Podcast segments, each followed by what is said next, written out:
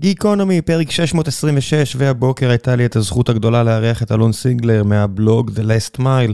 אלון הוא מתכנן עירוני, הוא מתעסק בתחבורה ובכל הנושאים שקשורים לעירוניות ותחבורה, אז דיברנו על בעיות התחבורה בארץ ישראל, דיברנו על המעבר הזה מבנייה של בתים צמודי קרקע עם גינה, אותה פנטזיה ישראלית אולטימטיבית. ליישובים הרבה יותר עירוניים, שרק לפני חמש שנים בעצם באמת בפעם הראשונה התחילו להיבנות יותר דירות מאשר צמודי קרקע, על העיר תל אביב, על חיפה, על ירושלים, על מקומות מוקדים הצורן והבעיות תחבורה שלהן, על מה עושים בשאר העולם. פרק מאוד מאוד מעניין על נושא מאוד מאוד חשוב. ולפני שנגיע לפרק המאוד מעניין והמאוד חשוב הזה, אני רוצה לספר לכם על משהו לא פחות חשוב. אנגלית. אתם יודעים, השפה הזו שבלעדיה אי אפשר לעשות פחות או יותר כלום היום בעולם, אז אם אתם רוצים לשפר את האנגלית המדוברת שלכם, וזה לא משנה אם אתם עכשיו לומדים לאיזשהו מבחן בינלאומי כמו הטופל, או שאתם עובדים בחברה שבה צריך לדעת אנגלית, והיום גם אם אתם עובדים במאפייה, צריך לדעת אנגלית, כי אתם כנראה עובדים עם אנשים שמדברים רק אנגלית, ובטח אם אתם עובדים בהייטק, או משפטים, או רפואה, או לא יודע מה, אנגלית זה דבר חשוב. אז איך משפרים אותה? מתאמנים. ומה הדרך הכי טובה להתאמן? לשוחח עם אנשים בשפה הזו, שיודעים גם לתקן אתכם במקום שבו הגרמר שלכם לא מספיק טוב, במקום שבו ההגייה שלכם לא מספיק טובה, של מילים כאלה או אחרות. הפלטפורמה קמבלי מציעה בדיוק את זה. היא תחבר אתכם עם מורים, שרוב מה שהם יעשו זה ישוחחו אתכם באנגלית בכל פעם על נושא אחר, יתקנו אתכם איפה שצריך לתקן אתכם, וזו פלטפורמה שגם מאפשרת לכם להתנסות.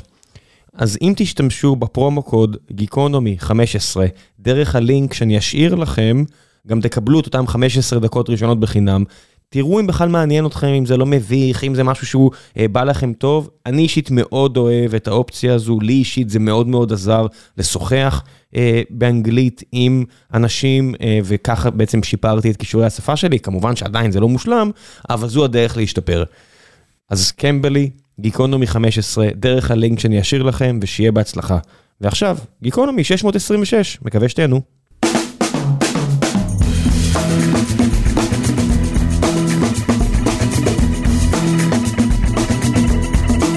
גיקונומי, פרק 626, והבוקר יש לי את הזכות הגדולה לארח את אלון סיגלר מהבלוג. כן, אני יודע, באתי, עצרתי עצמי והרבה זמן לא אמרתי את המילה בלוג. כן. גם אתמול ישבתי, קראתי קצת את דברים אצלך, מצאתי את עצמי, הרבה זמן לא קראתי אה, בלוגים. וסוגר סוגריים, מתכנן ערים ותחבורה ואישיות בולטת במה שנקרא פיד תחבורה בטוויטר, שזה חבורה של אנשים שממש אוהבים לדבר על כלי תחבורה ותכנון עירוני. נכון, הבלוג הוא רק השלמה, אז התחלתי בסוף אה, לכתוב הרבה פעמים בטוויטר, ושם יוצר את התעודה הגבוהה יותר. הבלוג זה בשביל שלי, מקום לרכז בו את כל מה שאני כותב, כדי שיישאר אצלי להרבה זמן, הבלוג הוא משלים. כן, בסוף כשאתה רוצה לפתח אה, מחשבה עמוקה או מעניינת, זה בלתי אפשרי. אתה יודע, אוסקר וולד אמר שאם יהיה לי יותר זמן, המכתב הזה יהיה קצר יותר. בסדר, בסופו של דבר צריך קצת מילים כדי לנסח רעיון. אמ, זה משתנה, נגיד, זה, יש פוסטים שאתה רוצה להרחיב בהם ואתה רוצה להיכנס לנושאים הרבה הרבה יותר עמוקים, נגיד אתמול כתבתי על סבידור, על מה, על המשבר, של למה סבידור היא מתעדפת רכב, אם הייתי כותב את זה בבלוג עכשיו, או מה שאני שואף לעשות את זה. רגע, מה... מה... כתבתי אתמול פוסט על כמה שסבידור, שזה תחנת הרכבת והאוטובוסים הגדולה בארץ, יש בה קרוב ל-100 אלף איש שעוברים בה כל יום, אם זה 50... מה שנקרא רכבת מרכז. רכבת מרכז סבידור, מרכז תל אביב. הלב, הלב, הלב, הלב של המטרופולין, בסוף הוא יושב ומוקף בכבישים של עשרה נתיבים, אין בו נתיבי העדפה כמעט לתחבורה ציבורית, המסוף כולו יושב לתוך צומת אחת שמתנקזת לכביש עמוס. כאילו יש שם העדפה מאוד מאוד מאוד מאוד בולטת לרכב, ויותר מהכל עוברים שם 100 אלף איש ויש שם 600 מקומות חנייה. זאת אומרת, אנשים יושבים שם בחניון הזה, תופסים מקום לכל היום, וכל האנשים שיוצאים צריכים להסתפק במעט שטח, במדרכות צרות, אין שם צל, העצים היחידים שיש במסוף הזה נמצאים בחניון, עושים צל על מכוניות חונות.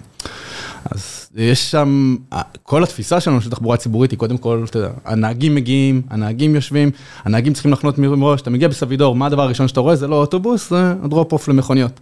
להורים שמורידים את הילדים החיילים שלהם, זה הורים שמורידים אנשים, והמבוגרים שצריכים ללכת לרכבת או לאוטובוס, צריכים ללכת ולהשתחל בין הגדרות של, של העבודות של נטע, בין מכוניות חונות, בין מוניות. תחבורה ציבורית היא תמיד איזה leg אחורה כזה. אני מאוד אוהב ללכת ברגל, ואני במרחק סביר יחסית, לא יודע מה, קילומטר, קילומטר וקצת משם, אז מבחינתי זה תמיד הליך, אני לא זוכר אי פעם, כן, זה, זה, זה פשוט לא נראה לי אפילו אפשרי, זאת אומרת, אני מסתכל על המקום הזה, אני אפילו לא תופס אותו בתור מקום ש... אני, אני לא יודע אפילו איזה קו מגיע לשם, אני יודע את כל הקווים האחרים ב, ב, בעיר שלי, בתל אביב, לשם אני לא יודע, כי אף פעם לא חשבתי אפילו, פשוט נראה לי מקום לא נעים להגיע אליו בשום דבר מלבד רגל עבורי. אמ, בסוף התחנת רכבת הגדולה בארץ, יש שם הכי הרבה אנשים שמשתמשים בתחבורה ציבורית, הולכים מהרכבת, מחליפים לאוטובוס, יש שם אוטובוסים לכל הארץ, יש שם אוטובוסים לכל העיר, זאת אומרת שאנשים מגיעים לשם, יש דרכים להגיע לשם, המדרכות לשם לא כאלה צרות, גם אפילו עכשיו יש כבר יחסית הרבה שבילי אופניים שמגיעים לשם. כן, לצד השני של הכביש, ויש לך שם איפה שפעם היה את המקלט של אנשים עם האוהלים והכל, שפינו אותם. ועכשיו בונים שם, בנו שם סוג של מיני מחלפון, סוג של מיני מעבר כזה, לתת דרך שירות לרכב, שלוקח את כל המגדלים האלה מהיילון, מנקז אותם לאיפה שפעם היה את הפארק הזה. אבל אם אתה הולך על נמיר, כמה זמן לוקח לחצות את הכביש כדי להגיע לרכבת? הרבה. הרבה. יש שם כמה רמזורים, הם בדרך כלל לא תמיד מסונכנים, כי התנועה צריכה לזרום, כי אם תשים רמזור אדום לדקה יותר מדי, אם תשים רמזור אדום דקה אחת יותר מדי, אז הפקק הוא מורגש. אם עשרה מכוניות ברמזור זה כבר מתחיל להרגיש עמוס, אם אתה מכונית העשירית, לך זה נראה שהכביש לא יגיע, תגיע לרמזור שני, והופ, הכביש נעצר ונעצר ונעצר, כי יש פה קצת יותר מכוניות ממה שהרמזור יודע להכיל. כן, זה לא רק אבל גם מכוניות, זאת אומרת, יש לנו פה מדי פעם מבקרים אירופאים, כי רוב החברה פה לא ישראלית, אז החבר'ה הם מסקנדינביה, שאנחנו תמיד משכנים אותם איפשהו במרכז העיר, ואז הם מגיעים ברגל למשרד, הם אומרים שאפילו הרמזורים של ההולכי רגל פה דפוקים לגמרי, לא מבין למה הליכה של קילומטר לוקחת לנו כל כך הרבה זמן, מאשר שאנחנו רגילים בקופנהגן או לא יודע מה. אה, האמת שבאמסטרדם ראיתי קטע מאוד מאוד יפה, שהרמזורים הם ממש קצרים, זאת אומרת, מעבירים מכונית אחת או שתיים, נעצר, מעבירים מכונית אחת או שניים, נעצר, מעבירים הולכי רגל. זה עדיף? זה עדיף כי אה, לבן אדם לא אכפת כמה זמן ירוק, כי ברגע שיש לו ירוק הוא חוצה, אם יהיה קצר או ארוך הוא חוצה. אם יהיה לו, אה, מה שמפריע בצומת, אם אתה עומד בצומת השלום, אם אתה עומד שם ליד אה, קריית הממשלה, ליד עזריאלי, אתה עובר רמזור, ואז מחכה עוד דקה ועובר עוד רמזור. המטרה היא שתלך, אתה רוצה להגיע, אתה לא רוצה לעמוד, בטח לא במקום בצמתים ש... ההנחיות לא מאפשרות לשים עצים, קשה לשים הצללה בצמתים, קשה לשים את הדברים האלה, אז אנשים רוצים לחצות מהר. תקצר להם את הזמן, את הזמן המתנה, זה מה שמפריע. הרי גם באוטו, עם... העמידה באדום היא מה שמפריע לך, העמידה, ההמתנה, כי אנשים רוצים לנסוע, אנחנו רגילים להיות בתנועה כל הזמן, כל הזמן שמים לנו ברקסים. עכשיו, כשאתה מכונית, אז מפריע לכולם. כשאתה הולך רגל, אתה מתייבש עוד דקה, עוד חצי דקה, יכולים לעמוד עשרה אנשים בצומת, עשרים אנשים בצומת. זה לא מורגש, במערכת זה לא, זה לא מורגש, וכשלא סופרים את זה, אה, אנשים יכולים לחכות. מכונית ממש ממש רואים את זה, וישר נותנים העדפה. בדרך כלל רוב הרמזורים, המטרה שלהם היא להזרים תנועה, להזרים תנועה בצורה בטוחה. אה, לפני הכל. עד כמה רמזורים בכלל משתנים? עד כמה רמזורים זה דבר דינמי? אה, מה זאת אומרת דינמי? הרי יש זמן קצוב לאדום, לירוק, עד כמה זמן, עד כמה הזמן הזה הוא קבוע, עד כמה זמן, מתי משחקים עם זה. זאת אומרת, בניגוד להרבה נושאים אחרים שאנחנו יכולים לדבר עליהם, אה, נורא קשה לשנות תכנון עירוני. יש כבישים, יש תשתיות, אנשים גרים בבניינים, רמזור, זמן של רמזור, אני מניח שזה בלחיצת כפתור, או לא יודע מה, לשנות קוד איפשהו, כדי שאני אשנה אותו מ-40 שניות ל-4 שניות. זה בסוף יש תוכניות, לכל רמזור יש תוכנית, זה כאילו החלק, זה כאילו החלק, זה השלמה לתכנון עירוני, כי בסוף הרמזור הוא הפונקציה שאמורה להזרים תנועה, אמורה mm. לסדר את הצומת ואמורה לגרום להרבה מאוד אנשים שלא יוצרים קשר עין, הרי אם אתה הולך ברגל ומישהו מפריע לך, אתה יכול לעקוף אותו, יכול לבקש סליחה, יכול לזוז. כשאתה באוטו, בנוסע ב-50 קמ"ש ברוב הערים, או 100 קמ"ש בכבישים ראשיים, אתה לא יוצר, גם לא יוצר קשר עין, אתה גם לא יכול לעצור, וצריך שיהיה לך מכשיר שאומר לך, תעצור. אלא אם כן יש את המעגל תנועה, את הפתרון הזה שהתחיל לפני 20 שנה בערך בישראל, ששינה פה קצת מהבחינה הזו. ומה זה עושה להולך הרגל שהולך במעגל תנועה? תחשוב על הסיבוב הגדול שהוא צריך לעשות, כי הוא רוצה בכלל ללכת ישר. כן, עכשיו נגיע לכיכר המדינה בתל אביב, או במקומות אחרים בארץ. כיכר המדינה היא יותר פארק מאשר כיכר, היא בונים בה גם מגדלים, היא הולכת להיות רחוב, היא לא, היא לא, היא פשוט רחוב עגול. זהו, אני לא יודע מה הולכת להיות, אבל כרגע זה מה שזה, זה מעגל תנועה אחד ענק. נכון, ומסתכל עליו מלמעלה הוא מעגל תנועה, ובסוף הוא רחוב שמוצאים ממנו רחובות, זה לא, כן. זה לא המעגל תנועה כמו נגיד ניקח את שער הניצחון, שכל השדרות של פריז מתנקזות אליו, והוא מסתובב סביב השער, וזה כיכר פה, יש רחוב, יש פה חנויות בתוך בצד השני של הכיכר, עוד מעט יקומו שם מגדלים בתוך הכיכר הזאת, יש שם אה, בית ספר, אני לא יודע איזה מבנה ציבור ישימו שם. בוא נגיד, נדבר על עיר כמו חיפה או ירושלים, שהתוואי העירוני שלה הוא לא שטוח ומשעמם כמו תל אביב, עד כמה באמת יש לך... אפשרויות, כמה חופש תנועה היה למי שתכנן את המרחב העירוני, או למי שירצה לעשות עכשיו פינוי-בינוי נרחב ולשנות דברים? זאת אומרת, אני נוסע בחיפה או ירושלים, אני אומר, אוקיי, זה האילוצים, זה ה... יש פה Z, יש פה ציר Z. אמ, בסן פרנסיסקו דילגו על השיפועים, אמרו אנחנו מעבירים גריד, לא משנה אם יש שיפוע, אין שיפוע, לפעמים אתה הולך בסן פרנסיסקו ויש לך שיפועים כזה כמו 90 מעלות, זה מרגיש לך, אתה רואה את המכוניות הולכות ונתקעות עם הפגוש כן, ברצפה ברצפה. בשיפועים האלה, כן. כי הם החליטו שעושים גריד. ועדיין, בסוף זה עובד, כי הגריד מעביר תחבורה ציבורית, הגריד נוח ל... אתה רואה גם רוכבי אופניים, הרבה רוכבי אופניים של בסן פרנסיסקו, הרבה הולכי רגל, יש גם הרבה מכוניות, כי בכל זאת זאת עיר אמריקאית ויש התמכרות קשה לרכב פרטי.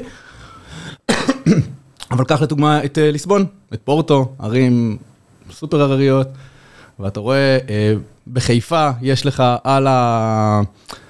על, ה, על הקירות, על ה... שאתה הולך ברחובות עם השיפועים, יש לך בדרך כלל חומות, כי הבניין בנוי חמש מטר אחורה, אז צריך לשים קיר תמך, או קיר תמך או כניסה לחנייה, וכל השיפוע בעצם נועד, אמרו, אה, אוקיי, יש שיפועים, אז בואו נסדר לרכב פרטי, ואנשים לא ילכו ברגל. השיפוע הוא קיים, אתה יודע, אפשר להתעלם ממנו, הוא, לא, הוא שמה, הוא לא שמה, אבל הוא, הוא, הוא קיים בסופו של דבר. זאת אומרת, שאם אתה אה, מחליט בליסבון שאתה בכל זאת עושה חנויות, או עושה, בונה את הבתים לתוך הרחוב, אנשים ילכו ברגל.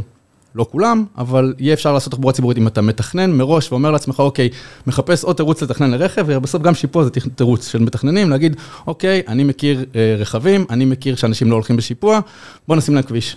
ואז אם עשיתי כביש, אני גם צריך לעשות חניות, כי אף אחד לא הולך ברגל, ואז יש הרבה חניות, ואז נוצר פקק ונוצר עומס.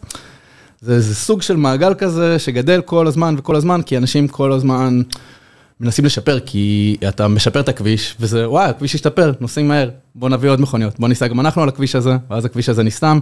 כן, כי מי שאוהב ללכת נורא ברגל, כשקוראים אה, בלוגים כמו שלך, או חבר'ה שכותבים על זה בטוויטר, יש הרגשה שישראל זה המקום אולי הכי גרוע בעולם מהבחינה הזו, ונגיד, הייתי לא מזמן בניו ג'רזי, בחלקים היותר פרברים של ניו ג'רזי, בוא נגיד שעתיים, שלוש ממנהטן, ונדהמתי מכמה שזה לא מוכוון רגל. אני אוהב ללכת ברגל, לא יודע, גרתי בחי בבאר שבע ובתל אביב, ובאר שבע מן הסתם הרבה פחות מותאמת לזה, אבל עדיין, רציתי ללכת, לא יודע מה, גרתי ארבעה קילומטר מההורים, שלושה קילומטר, אין בעיה, אני הולך. אז ייקח לי חצי שעה, 40 דקות, אני מגיע. כיף לי, נחמד לי, עשיתי קצת גם ספורט. שמה הייתי צריך להביא איזה חבילה, ואמרתי לחבר'ה שלי, טוב, אני אלך, כמה כבר ייקח לי? ארבעה קילומטר, זה ייקח לי שעה, אני אחזור, ועוד היה, אתה יודע, איזה מינוס עשר, אמרו, יש מינוס עשר, אמרתי, לא נורא, אני... אתה מתחמם בהליכה. כן, ואמרו, בסדר, אבל אין איפה פיזית ללכת, אין שוליים, אין מקום. יש לך את הטבע ואת הכביש. אין משהו בין לבין שהוא הולך רגע, אני נדהמתי מזה. אתה... אין אפילו אופניים, אין אפילו מקום לאופניים, אין. לא צריך ללכת רחוק, תסתובב, אתה יודע, בסוף יש... אה, אה, מה המקבילה לזה בארץ? עזוב רגע מקבילה, בוא נדבר רגע, יישוב-? קטן.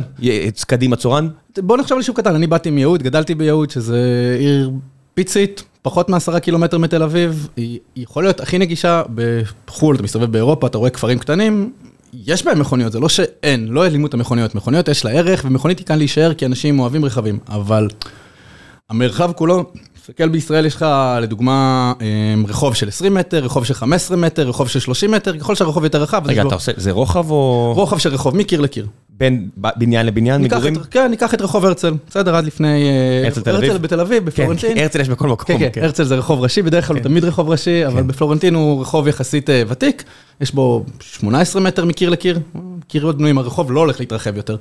פעם, שלפני שבנו את הרחוב הזה, מכוניות היו מאוד מאוד נדירות, אתה מכיר את התמונות המפורסמות אולי של תל אביב עם גמלים מול הגימנסיה הרצליה, זה היה רחוב, אף אחד לא נסע במכונית. מגדל שלום בשבילך. היו בתים יחסית פרטיים, והאנשים הלכו באמצע, יש תמונות מפורסמות, אתה רואה את כולם הולכים במרכז של, של הרחוב, כי הרחוב הוא נועד לאנשים, אנשים, אתה מסתכל על תמונות ישנות של, של ניו יורק, אנשים הולכים ברגל. מנסים לא לדרוך. על קקי, הבעיה הייתה הקקי של הסוסים. נכון, ואז באו המכוניות, אז צריך לפנות להם מקום, כי מכונית זה לא כמו אה, משהו יותר איטי. מכונית נוסעת מהר, מכונית לא רואה את הקשר עין עם הרחוב, צריך לפנות, ל- ל- להגביר את הבטיחות. כאילו את הבטיחות של הולכי הרגל, אבל בסופו של דבר צריך לפנות למקום, כי אין לך אפשרות להעביר הרבה מכוניות. אתה יודע, בכרם התימנים או בשכונות אה, אחרות בארץ שהם...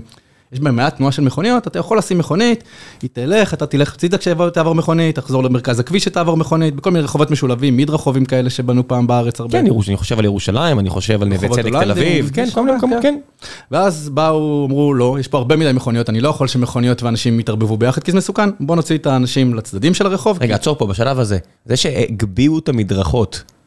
ברוב העולם זה ככה, ואז ראיתי ביפן, שיצא לי להיות שם איזה שבועיים, שהמדרכות הן בגובה הכביש. שפשוט יש סימון, זה הכל. יש סימון, לפעמים יש עמודונים כדי, כן, כדי שאנשים... מה הקטע של ההגבהה של המדרכות? מתי זה התחיל? זה בתל אביב היה ככה מ-day one נגיד? אני לא יודע לענות לך ממתי זה התחיל, אבל אני מסתכל על רחובות יחסית ותיקים בארץ, זה, זה סטנדרט יחסית גב, בינלאומי. כן, אחד העם והרצל, אני חושב שזה הראשונים פה בעיר. כן, תל אביב היא ותיקה, אתה מסתכל על תמונות מאוד ישנות, אז גם כשהיה, כשאנשים הלכו במרכז, במרכז הרחוב, אמ, גם כשהם הלכו במרכז הרחוב, עדיין המדרכות טיפ- טיפה מוגבהות, כי הבניין הוא טיפה מוגבע, וכאילו אבל יש... יש הצדקה, כי אתה מתכנן עירוני, אתה יודע הרבה יותר ממני, יש הצדקה כלשהי להגבהה הזאת, או שזה רק תרבותי נשתמר? תלוי איפה, יש הרבה רחובות, שאתה אומר, למה צריך, בוא ניקח אה, רחובות, אה, לא יודע, רחוב, אה, אם זה בתל אביב שלמה המלך, ואם זה רחוב, אני פשוט לא זוכר שמות של רחובות כל כן. כך, אני כבר עשר שנים עובד בתוך תל אביב, במחוז תל אביב. כן. אבל אפילו ברחובות קטנים שעוברים בהם מעט תנועה, יש הרבה רחובות כאלה, הרי לא כל רחוב הוא רחוב ראשי, יש הרבה רחובות מקומיים, שיש בהם כמה בנייני מגורים, יש בהם איזה חנות קטנה, יש בהם איזה רוב מתנ"ס. ישראל ככה, כן. אתה לא חייב מדרכות, הרי המדרכות האלה נועדו ליצור הפרדה, שאם תסתכל על רחוב ותסתכל איך בכלל רחוב מתוכנן, זה לא כביש, ההגדרה של מדרכה מבחינתי זה לא כביש. נכון, אבל תסתכל איך אנחנו תופסים בכלל את הרחוב. אפילו בוא ניקח את אה, ברצלונה. ברצלונה היא עיר שיש בה המון הולכי רגל, היא עיר פי פי ארבע יותר צפופה, פי חמש יותר צפופה מתל אביב. הרבה יותר מתוירת. יש בה אה, מיליוני תיירים כל שנה, זאת אומרת שהולכים עליה המון אנשים. וכבר ב-1880, או לא יודע מתי תכננו אותה במאה ה-19, מי שתכנן את הרחוב, את- ברצלונה הגדיר, אני רוצה 50% מה- מכל רחוב יוקדש להולכי רגל. רחוב 20 מטר, אז יהיה להולכי רגל 10 מטר, בשנת הזים 5 ו-5, וכל השאר יסתדרו. ואתה יכול לראות שהם שמרו על זה אה, הרבה מאוד זמן. אה, אתה מסתובב בברצלונה, אתה רואה... שום דבר לא עולה על המדרכה, המדרכה היא מקום קדוש, יש רצועת הליכה פנויה במדרכה, אם יש מקום מוציאים כיסאות ושולחנות, אם אין מקום לא מוציאים כיסאות ושולחנות, תשווה את זה לדיזינגוף, תשווה את זה להרבה רחובות שמוציאים שולחן כן. על המדרכה עד השביל אופניים, ויש גם ארון כן, חשמל באמצע. אתה יודע, כל הערים האלה, כמו פריז, שבאמת נבנו בסוף המאה ה-19, אני לא אני לא משווה את זה, כי אז לא היה כלי רכב. אותי הרבה יותר מעניין להסתכל על מקומות כמו הולנד, שתפסו את עצמם בידיים בשנות ה-60, שכבר היה, שכבר ארצות הברית הפכה להיות פרבר אחד גדול עם כלי רכב, והם עצרו ואמרו, אופניים. אנחנו רוצים שאנשים יתניידו עם אופניים ורגל, או הרבה לפני משבר האקלים, זאת אומרת, כבר היה משבר אקלים שלא לא דיברו על זה, לא ידעו את זה יותר מדי, והם החליטו והם שינו את הערים שלהם. הרבה מהערים שלהם של הולנד השתנו לפני לא המון זמן. זה סיפור מעניין, קודם כל זה לקח קרוב ל-50 שנה המהפך כן. הזה, בשנות ה-70 קרה כמה, קרו כמה דברים. אחד, נהרגו אה, הרבה ילדים ברחובות, כי מכוניות התחילו לגדול, והכמות מכוניות הלכה וגדלה, והרחובות של הולנד הם בני 400-500 שנה. אין הרבה מקום למכוניות, אבל בכל זאת נסו את התעלות, הפכו למגרשי חנייה, ואת התעלות עברו להייווייז, והפכו להרבה מאוד דברים כדי לאפשר לרכב לבוא ולהשתלט על המרחב, כי אנשים נוסעים ברכב, יש לזה ביקוש. ואז קרו כמה דברים, גם הרבה מאוד אה, ילדים נהרגו אה, ברחובות בהולנד, ממכוניות, שנכנסו לעיר שלא... בצורה לא פרופורציונלית לעולם, או שפשוט אה, מספר אובייקטיבי של ילדים מתים זה... ההורים החליטו שיש פה בעיה, וקרה גם עוד דבר נוסף, הייתה מלחמת יום כיפור, מחירי הדלק עלו בכל העולם. לא, מלחמת הכיפור, כמו החרם הערבי. החרם הערבי, אבל כן. בסוף נוצר פה מצב שכאילו, רגע, הדלק עולה מאוד מאוד משמעותית. כן. עם המכוניות האמריקאיות, אנחנו רגילים למכוניות הגדולות שזה לא דלק, כי הדלק באמריקה הוא מסובסד, הוא זול משמעותית משאר העולם יחסית. הדלק האמריקאי הוא מסובסד? הרבה יותר זול, איך אתה מסביר את זה שהוא מסו- הוא לא ממוסה. הוא לא ממוסה, אבל... אה, אוקיי, זה הוא. יותר, בסוף אני בתור משתמש קצה, אני בסוף, כן. אתה יודע, לא מעניין אותי אם הממשלה לא- ממשלה לוקחת לי מס בלו, שהמחיר של הדלק הוא יקר, אני לא, זה לא, אני לא עושה את השיקולים האלה, בסוף אני עושה את השיקולים של כמה עולה לי. כן. אז הדלק נהיה נורא נורא יקר, וגם הכלי רכב הוא גם מזהם ועובר את הערים. אז ההורים, המחאה התחילה מזה שהורים ואנשים אמרו, רגע, אנחנו לא רוצים להתנהד ככה, זה לא הדבר שאנחנו רוצים לעשות. בניגוד לאמריקאים אמרו, אוקיי, צפוף פה, אז בואו נרחיב את הכבישים, יש לנו המון שטח. הולנד היא מדינה קצת קטנה, היא קצת יותר גדולה מישראל, יש בה... כובשים את המדינה מהים. כל פעם מגדילים אותה, אתה יודע, כן. אני תמיד מסתובב בעולם, זה תמיד יפה לראות איך אתה הולך בתוך תעלה, ואתה רואה שהנחל יותר גבוה מאיפה שאתה נמצא בו, כאילו כן. מספיק איזה טרקטור קטן שעושה טעות, יש להם שטח. ענק שנקרא זילנד, שהם פשוט, אם אני לא טועה, שככה זה נקרא, פשוט הם כובשים את האוקיינוס. מגדילים, עושים שם כן. חקלאות, עושים כל חקלאות הצמחי- ימית. יש לי פה, אחד השותפים פה בחברה, יש לו חוות דגים שם. תכף נדבר על הולנד, כי הולנד היא. באמת איזה מודל לתכנון עירוני מאוד אה, יחסית, היא נחשבת עיר- מדינה מאוד מתקדמת מבחינת התכנון, מבחינת איך שהיא תופסת היא לא- אנשים. היא לא? היא מאוד. אה, אוקיי, אוקיי. אבל בואו נדבר רגע על שנות ה-70, אז כן. באו המכוניות, אמרו, רגע, רגע, אנחנו לא רוצים יותר מכוניות, אנחנו לא רוצים יותר ש... אה, ש- זה לא תקין עכשיו, אתה יודע, לא נהייתה עיר אופניים ביום אחד. בהתחלה עשו כמו בתל אביב, עשו בהתחלה, אם אתה זוכר, אף אחד לא נסע בתל אביב, אולי איזה כמה היפסטרים, כמה אנשים... אה, מה, באמת? יחסית לפני 20 שנה לא היית רואה הרבה רוכבים, זה היה יחסית מופע נדיר, כי לא היו תשתיות לזה. לא- היית- לא הייתי פה לפני 20 שנה. היית צריך להיות אמיץ, אני זוכר שהייתי בא לתל אביב, יוצא לפה, הייתה לי חברה מתל אביב, הייתה באה באופניים, וזה היה נתפס כאילו, וואו, מה את עושה? אה, כי איפה? אין, לא היה שבילים. ואז עשו, אתה יודע, ציירו יום אחד על רוטשילד, עשו פשוט פס על המדרכה, והמהפכה מתי קרתה. זה היה? לפני 20 שנה שיפצו את רוטשילד, בסוף, בתחילת שנות ה-2000 כזה, שיפצו את רוטשילד, בסוף שנות ה-90. ציירו שם מדרכה, אמרו, אה, מי שירצה ירכב, מי שלא ירצה לא ירכב, ואז... מה כאן, חילקו את המדרכה כמו שאני חילקו מכיר את זה היום? באמצע השדרה, אתה מכיר, פשוט יש פס לבן, שאומר פה להולכי רגל, פה לאופניים. זה קרה כבר לפני 20 שנה? 15-20 שנה, השביל באבן גבירול שופץ הרחוב גם כן לפני... זה היה החלטה קשה, אתה חושב? לא, כי זה היה לצייר על המדרכה, זה לא, זה לא עלה לאף אחד כסף. זה היה פס לבן שמצויר על מדרכה, אם אתה זוכר גם בשביל ברוטשילד, בהתחלה פעם היה לך שביל אופניים בצד ימין, ואז פתאום הוא עובר לצד שמאל, ואז הוא שוב חוזר לצד ימין. נכון. כאילו היה... זה כבר לא ככה? לא, הוא רציף. אתה מבין, כשעושים משהו טוב, אני יכול ללכת על הרחוב, לא יודע, פעם אחרונה שהייתי שם נגיד יום חמישי, לא שמתי לב שזה שונה, שזה תוקן, כי פשוט הכל, שמשהו טוב וטבעי, אתה לא אומר, אה, זה, זה, זה, אתה בסוף אנחנו מתכנני ערים, אנחנו מעצבים, אה, מעצבים מוצר, אתה רוצה לראות איך אנשים, אתה רוצה לצאת את החוויית משתמש שלהם, אתה בסוף, אתה יודע, אם תסתכל, בוא ניקח את הנהג, חוויה של נהג בכביש, ברחוב, יש לך, ברור לך, יש לך נתיב פנייה שמאלה, נתיב פנייה ימינה, ברור לך איפה אתה חונה, הכביש תמיד רציף, ברור לך שאתה מגיע לצומת ושום דבר לא מפריע רק לך. בתל אביב ברור לך איפה אתה חונה ואיפה אתה יכול לנסוע ממש. אבל, אבל, אבל, אבל, יחסית, תסתכל. איך הרחוב מחולק, בסדר? כן. תסתכל על העיצוב של הרחוב, תסתכל מ- מקיר לקיר שאתה הולך בכל רחוב, הכביש הוא תמיד רציף. ואז פתאום מגיעים לתחנת אוטובוס, ולפעמים זה עמוד ולפעמים זה סככה, לפעמים יש עצים, לפעמים אין עצים, לפעמים השלט בצד ימין, לפעמים השלט בצד שמאל, אתה מסתכל על שביל האופניים, הוא פתאום לפני הצומת כי הוא נקטע, ואז אתה נוסע ב-40 קמ"ש או 30 קמ"ש או 25 קמ"ש, מה אתה אמור לעשות? אתה אמור להחליט אם אתה יורד לכביש המסוכן לצומת, שזה המקום הכי מסוכן ברחוב, או, או שאתה הולך על מדרכה ומפריע להולכי רגל ומסכן את הולכי הרגל. עכשיו, כשאתה עושה את זה ב-30 קמ"ש, אתה לא כל כך יכול אה, אה, לקבל החלטות מושכלות, אתה הולך לאן שהשביל הולך. ואני מניח שזה כל הדברים שגם ההולנדים ראו בשנות ה-70. בהולנדים יש מה שנקרא, כולנו כשמתכננים יש צומת הולנדי. נקרא צומת? הולנדי, זה צומת שבה אתה רואה, אה, תסתכל על צומת מלמעלה, אני אוהב להסתכל תמיד על מפות מלמעלה, לראות איך ערים נראות ואיך ערים מסודרות, זה נורא כיף לראות את זה, אבל תסתכל על צומת הולנדי, קודם כל, השביל אופניים תמיד מגיע, קודם כל הם חד סטריים, הרבה יותר קל לתכנן שבילים שהם חד סטריים ולא דו סטריים, כי המפגש ביניהם הרבה יותר קל, כי אתה נוסע עם התנועה של הכביש ולא נגד התנועה של הכביש. אה, אתה יודע, יותר קל לעשות שבילים כאלה, גם יותר קל להרחיב אותם אחר כך, יותר קל לעשות את המפגשים שלהם, אבל לא משנה בכלל הסיפור הזה. אם תסתכל על הצומת ההולנדי, יש לך, השביל אופניים אה, מגיע עד הצומת, יש לך אפשרות לה- להקיף אותו, אתה, הצומת, הרכב עוצר אחרי שביל האופניים, שבילי האופניים מסומנים בירוק, תמיד בצמתים יש הפרדה כדי שהנהג שפונה ימינה יהיה לו שדה ראייה לתוך הצומת. אתה בתור רוכב אופניים לא שואל את עצמך עכשיו אני אמור ללכת שמאלה, אני אמור ללכת ימינה, אני אמור להיות על מדרכה, אני אמור לרדת לכביש עכשיו. לא, זה פשוט עובד, כשאתה בהולנד זה פשוט עובד, אני... זה- אתה יודע להסביר, אבל אני... ת- תיקח אפליקציה ותעשה בה, אתה רוצה אנשים ימלאו את כל הפרטים, ימלאו את כל הפרטים, ואז לא תעשה להם את הכפתור שלך. כן. ואז אתה יכול להתחרפן, שאתה מסתכל מה אני אמור לעשות. וזה מה שעושים להולכי רגל וזה מה שעושים לאופניים, אבל לא למכוניות. רגע, אבל אז בשנות ה-70 כל האופניים נסעו, או אנשים רכבו על אופניים ב-16-20 קמ"ש שלהם. היום כשיש כבר כלים ממונעים, כמו שאנחנו רואים בתל אביב, זה שינה משהו? את- אתה יודע, מה שהם עשו אז מותאם גם לכלי רכב הדו-גלגליים היום? אמ, הם היו יש- צריכים להסתגל לזה? יש כלים דוג... אה, חשמליים בעולם, לא ב... ב...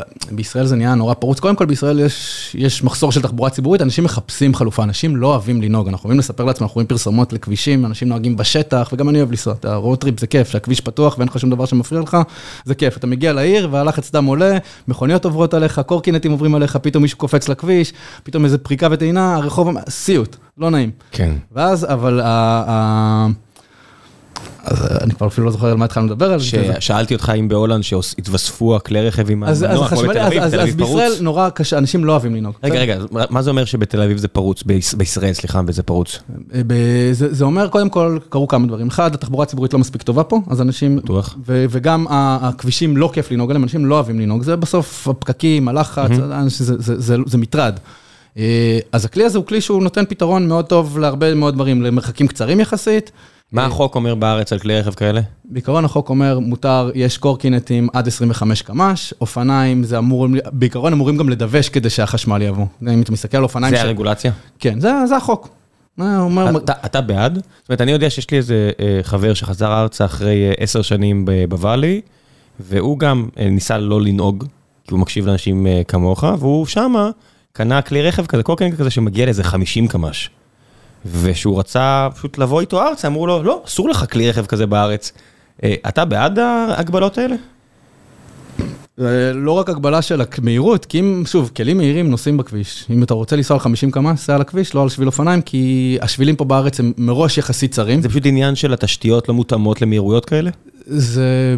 לא רחב זה לא רק מספיק, מתאים, לא. כי יש משהו בעיר, ב, ב, ב, כשאתה הולך על מדרכות או רוכב על אופניים, אתה הולך בהולנד, ה- הקשר עין הוא, הוא כלי מאוד מאוד טוב לנהל, להתנהל במרחב מאוד עמוס באנשים. אתה יודע, אנשים הולכים בניו יורק על מדרכות עמוסות, ואתה בחיים בתור הולך רגל, אתה לא תיתקע בבן אדם אחר. אתה אף פעם לא תעשה את זה, כי אתה הולך במהירות, גם אם אתה הולך במהירות גבוהה, אתה יכול להקיף אותו, אתה יכול לעצור שנייה. מישהו עוצר להסתכל רגע מה השעה בטלפון, זה לא תוקע את כל הרחוב. ואם אתה נוסע מהר, אתה, החוויה של הולך הרגל במדרכה ליד היא הרבה הרבה יותר איטית. אה, ובכביש נוסעים מהר, גם צריך להגביל את המהירות בכביש, בהרבה ערים בעולם הגבילו את המהירות ל-30 קמ"ש. גם, גם, גם בארץ, לא? יש, יש, אני מכיר את התמרור של, אה, אתה יודע, עם הכדור ילד אה, אוטו של 25 קמ"ש. ואם הכביש נכון. הוא יהיה ברוחב שמאפשר מהירות נסיעה מספיק, הסרט... כמו, כמו הרבה דברים בישראל. רוב- יש רובנו פה את- אנשים- רובנו אנשים טובים, יש רובנו פה שומרים על החוק. בין אכיפה לחקיקה. אני אומר, החוק בארץ, בהרבה, בהרבה, חל- בהרבה ערים בארץ, בהרבה חלקים של הרבה ערים בארץ, כן יש הגבלה. פשוט לא אוכפים אותה בשום מקום. אבל זה לא, אבל ההגבלה כחוק, בסוף אנשים, אתה יודע, רובנו, אם אף אחד לא רואה אותנו, אה, אנחנו יכולים להרשות לעצמנו, גם אם אנחנו יודעים מראש שהמשטרה לא אוכפת עבירות חמורות. אה, אנשים לא נותנים זכות קדימה, שזו עבירה מאוד חמורה, אנשים, רוב התאונות של הולכי רגל זה בדרך כלל בצמתים, כי מישהו לא נתן להם זכות קדימה. זה, זה בסוף בתוך הערים. עבירה גור- חמורה, בטח. זה גורם, עכשיו, את זה לא אוכפים, אז עכשיו, אה. באכיפה, אין, קודם כל בעולם יש מצלמות, מצלמות אכיפה, יש הרבה אלמנטים. בארץ אנחנו גם אין לנו מספיק משטרת תנועה, אין, יש פה איזה, הייתה כתבה לא מזמן על 100, 150 ניידות של משטרת. תנועה, בכל- 200 ניידות משטרה. אסף הראל היה פה, אמר שגם הנתיב של התחבורה הציבורית בתל אביב, הדבר הראשון שהם החליטו או עשו, מצלמה? זה העניין של האכיפה, והוא אמר שגם הוא, כמו רוב עובדי העירייה, קיבל לפחות קנס אחד, כי הוא ישראלי.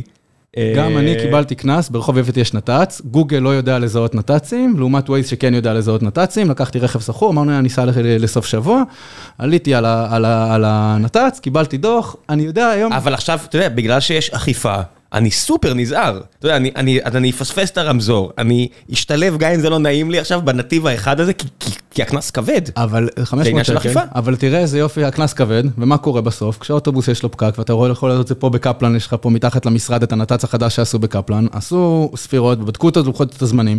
האוטובוס קיצר ברבע שעת הנסיעה שלו במקטע הבלתי נסבל הזה, הקשוח, המון. מ...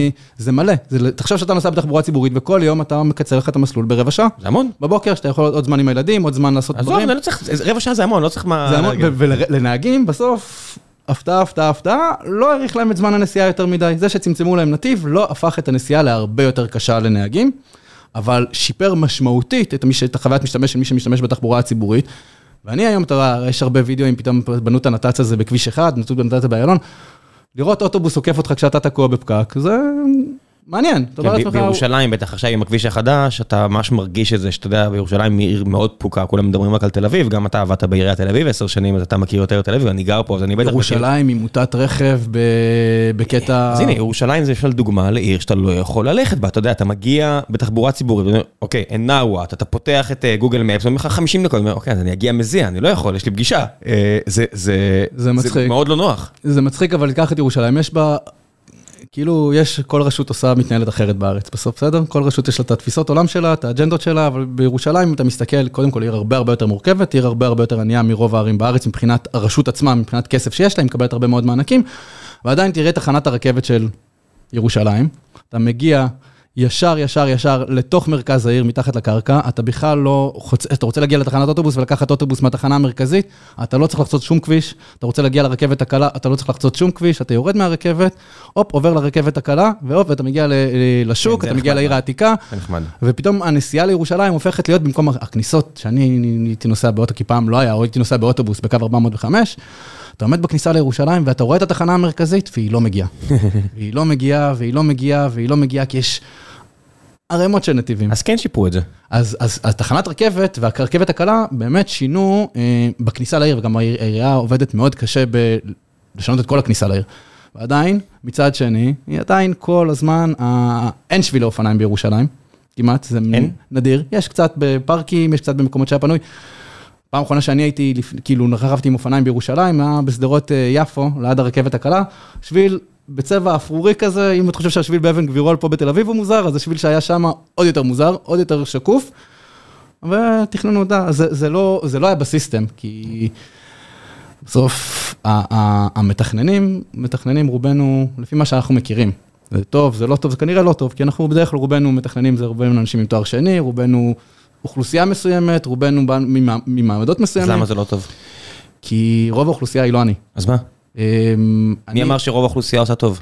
אבל אה, זה לא, אבל זה לא, בסוף אתה צריך לתכנן תנועה של מסות, ואם אני אתכנן את כל העולם מהזווית ראייה שלי, יודע, אני אפספס מלא, מלא, מלא אנשים שאני לא מכיר אותם בהכרח. צריך לתת מגוון. סבבה, אבל זה, רק בגלל שהם עושים, או משהו מתנהל כמו שהוא מתנהל עכשיו, זה לא אומר שזה אפילו טוב להם. אני לא אומר דיקטטורה שעכשיו אני אומר אסור לנהוג ברכב, אבל... אבל אם כל המתכננים, נגיד ניקח רוב מקבלי ההחלטות, לא רק מתכננים, בסדר? זה פוליטיקאים, זה נבחרי ציבור, זה, זה מנהלים בכירים במשרדים, אה, זה, הם רובנו, רובם, בסדר? זה אנשים עם משפחה, זוג נשוי עם שלושה ילדים, או לפחות זו התפיסה, זה האידיאל הישראלי. זה הממוצע, מה הכוונה? נכון, אז, אבל, זה, אבל זה הממוצע. 2.7, 2.6. ואז במשך שנים בנו רק דירות לזוג עם שלושה ילדים. דירות של חמישה חדרים, דירות של שישה חדרים, דירות עם שתי חניות, עם שלוש? חניות. למה עכשיו זה השתנה? עד לפני, כשאני עבדתי בוועדה המחוזית, התחילו לדבר על מינימום דירות קטנות. שכל פרויקט עכשיו במחוז תל אביב ייתן 20% דירות קטנות. ומה זה קטנות? זה 67 פלוס ממ"ד, זה לא כזה קטן. כן, אתה יודע למה, זה נותן להם לשים על השלט אה, מחיר שהוא מטורף, ואתה אומר, טוב, זה מטורף קטן, אבל אז אתה מבין שזה רק לא הדירה זה. היחידה של השלושה חדרים בבניין הזה. כשאתה מתחיל את החיים שלך בתור זוג צעיר או בן אדם צעיר, עזבת את הבית של ההורים שלך, בסדר, אתה רווק, אתה נשוי, כן. אתה לא רוצה דירת חמישה חדרים, אתה גם לא יכול להרשות לעצמך דירת חמישה חדרים, אבל מה לעשות שבמשך 40 שנה לא בנו דירות שלושה חדרים בישראל, זה המוצר הכי מבוקש היום, לפעמים דירות שלושה חדרים עולות יותר מדירות ארבעה חדרים, כי זה מוצר במחסור. מאוד מאוד קשה, ועכשיו הרבה רשויות מנסות להתמודד עם זה, הם קבעו בתקניות 20% דירות קטנות, כי הבנו ש... מהפרויקטים החדשים. בפרויקטים חדשים כמובן, כי אני לא יכול להקטין דירות, אלא לפעמים עשו פיצולי דירות וכאלה, לא, אני יודע. למשל עכשיו שעושים פינוי בינוי, בונים את הבניין מחדש, אז אתה יכול... אז אתה, משחק עם התמהיל, אתה תראה שלא כל הדירות בבניין היום זה דירות של אה, חמישה חדרים, יש דירות קטנות יותר, יש דירות אה, אה, בקומות התחתונות נגיד עושים יותר דירות, בקומות העליונות פחות דירות בקומה, אתה יכול מאוד מאוד לשחק עם הדבר הזה. כי לא כולם רוצים, לא כולם רוצים, או יכולים להרשות לעצמם לקנות את אותו מוצר, כשאני חשבתי, אתה יודע, כולנו תכננו עבור אה, חדרים שלושה ילדים, המחיר למשתכן, פתאום אתה רואה אנשים קונים דירות הרבה יותר גדולות מהמצב שהם יכולים להרשות לעצמם, במקום שהם לא בהכרח רוצים לקנות, כי המדינה אמרה להם, קחו מוצר, תקנו, אתה, אה, אתה עובד בתל אביב? בסדר, מצאתי לך דירה בדימונה, בחמישה חדרים. להנדס את השוק לפי מה שלנו נראה כנכון, אבל בסוף, כן, אתה יודע. אתה מסכים. מסתכל, אחוז הגירושין בישראל הולך וגדל, אנשים יותר מתגרשים, אנשים מתחתנים יותר מאוחר, אנשים נשארים רווקים. הדירת חמישה חדרים, אם אני אלך עכשיו לשוק ואני אחפש בגדים ואני אראה כל מידות, רק מידות אה, אקסטרה שמאל, אני לא יודע מה לעשות עם עצמי. אבל אם אני אראה דירות פתאום שיש גם מדיום, גם לארג', אני יכול למצוא את עצמי בתוך השוק הזה. ופתאום כשאין לך את זה, ואתה, אז, אז אתה רואה בקריית אונו פתאום בנו, ו, ו, ופתאום, רגע, אבל לא כולם רוצים, יש אנשים שגרושים רוצים דירה יותר קטנה, כי זה יקר להם להחזיק דירה חמישה חדרים. גם, אתה ההורים שלי גרו בדירת חמישה חדרים עם שלושה ילדים במשך אה, 18 שנה, 19 שנה, הילדים עזבו. ומה נשאר עם הדירה הזאת? עכשיו הם נשארים שם זוג מבוגר, עם דירה שגדולה על המידות שלהם בעשרות מידות, באמת, זה כאילו, לתחזר רק לנקות את הדירה הזאת. לא, ההורים שלי עזבו את באר שבע אחרי 50 שנה, גרו בבית פרטי שם, ושלושת הילדים כבר עם...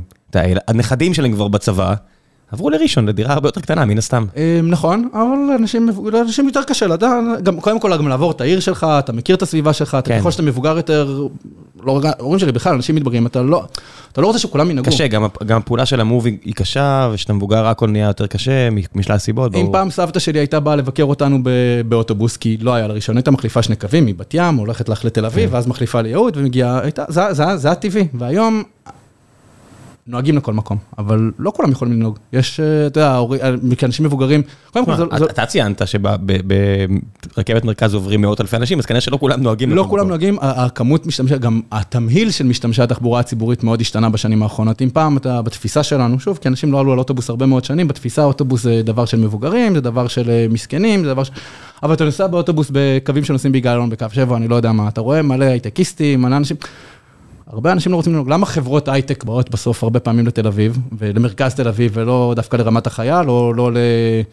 יש ביקוש, כל משרד, כל בניין משרדים שבונים, מתמלא ומתפוצץ מאוד מהר, ועוד לפני שיוצא היתר בנייה, כבר כל המשרדים מושכרים, כי מבינים שאנשים רוצים למצוא, אנשים רוצים להגיע לפה בחלופות שהן לא דורשות ממך להיכנס כל יום ל...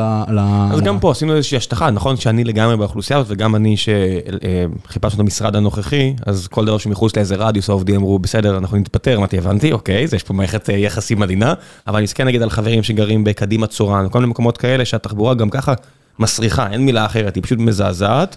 ואז הם אומרים, טוב, אני רוצה לעבוד בהרצליה לפחות, כי אם כבר אני כבר נכנס לאוטו, לפחות שאני לא אכנס גם לתופת של אה, מרכז תל אביב מבחינת תחבורה. אה, אני לא מבין איך בכלל אפשר לשפר מקום כמו קדימה צורן. אז בוא נדבר על קדימה צורן. קודם כל, יש DNA למדינה הזאת, שלאט לאט משתנה, אבל מהיום שהקימו את המדינה, ועוד אפילו לפני שהקימו את המדינה, אמרו לאנשים, תתפזרו. אנחנו לא רוצים שתגורו במרכז תל אביב. היה לנו הורים של 50 שנה בבאר שבע. תל אביב וציונות, אה, ציונות אמרה, לכו תגורו בנהריה, לכו תגורו בקיבוצים, לכו תגורו במושבים, לכו תגורו בעיירות הפיתוח, לכו, אל תגורו במרכז, אל תהיו עירונים, לכו תשתלטו על הגדרות, תשתלטו על הגבולות, אנחנו צריכים להתפזר כמה שיותר. תוכנית המתאר הראשונה של ישראל קבעה פיזור אוכלוסין, זה היה התפיסה, זה הייתה אג'נדה, באו לפה עולים חדשים, אם הם הבינו או לא הבינו, ככל שהבנת פחות, כנראה שמו אותך במקום יותר מרוחק. זה אם הבינו, לא הבינו. נכון, מי שקצת היה לו יותר קשרים או יותר מזל. לא הבינו, נקסט. נכון, נשאר במרכז. אנשים עברו בפריפריה במשך שנים, זה לא, וזה מהקמת המדינה וזה נשאר, וכל פעם שרים מתגתרים ביישובים חדשים שהם הקימו. יש איזה חלום, צמוד, בית צמוד קרקע, עם חצר, עם שתי חניות. יש כאלה שיש כאלה, כן. עכשיו, זה חלום שהוא יפה, אבל הוא יכול לעבוד, אם תסתכל באמריקה, אתה יודע, יש לך בארצות הברית בית, שטח ענק. יש לנו עובדים שיש להם יער. שטח ענק. יש לנו עובדים שיש להם יער. בית, אבל בארץ, איפה עכשיו המדינה, גם אנחנו מצטופפים בקצב של לא דומה לשום מדינה אחרת בעולם הערבית. בעולם נקודה.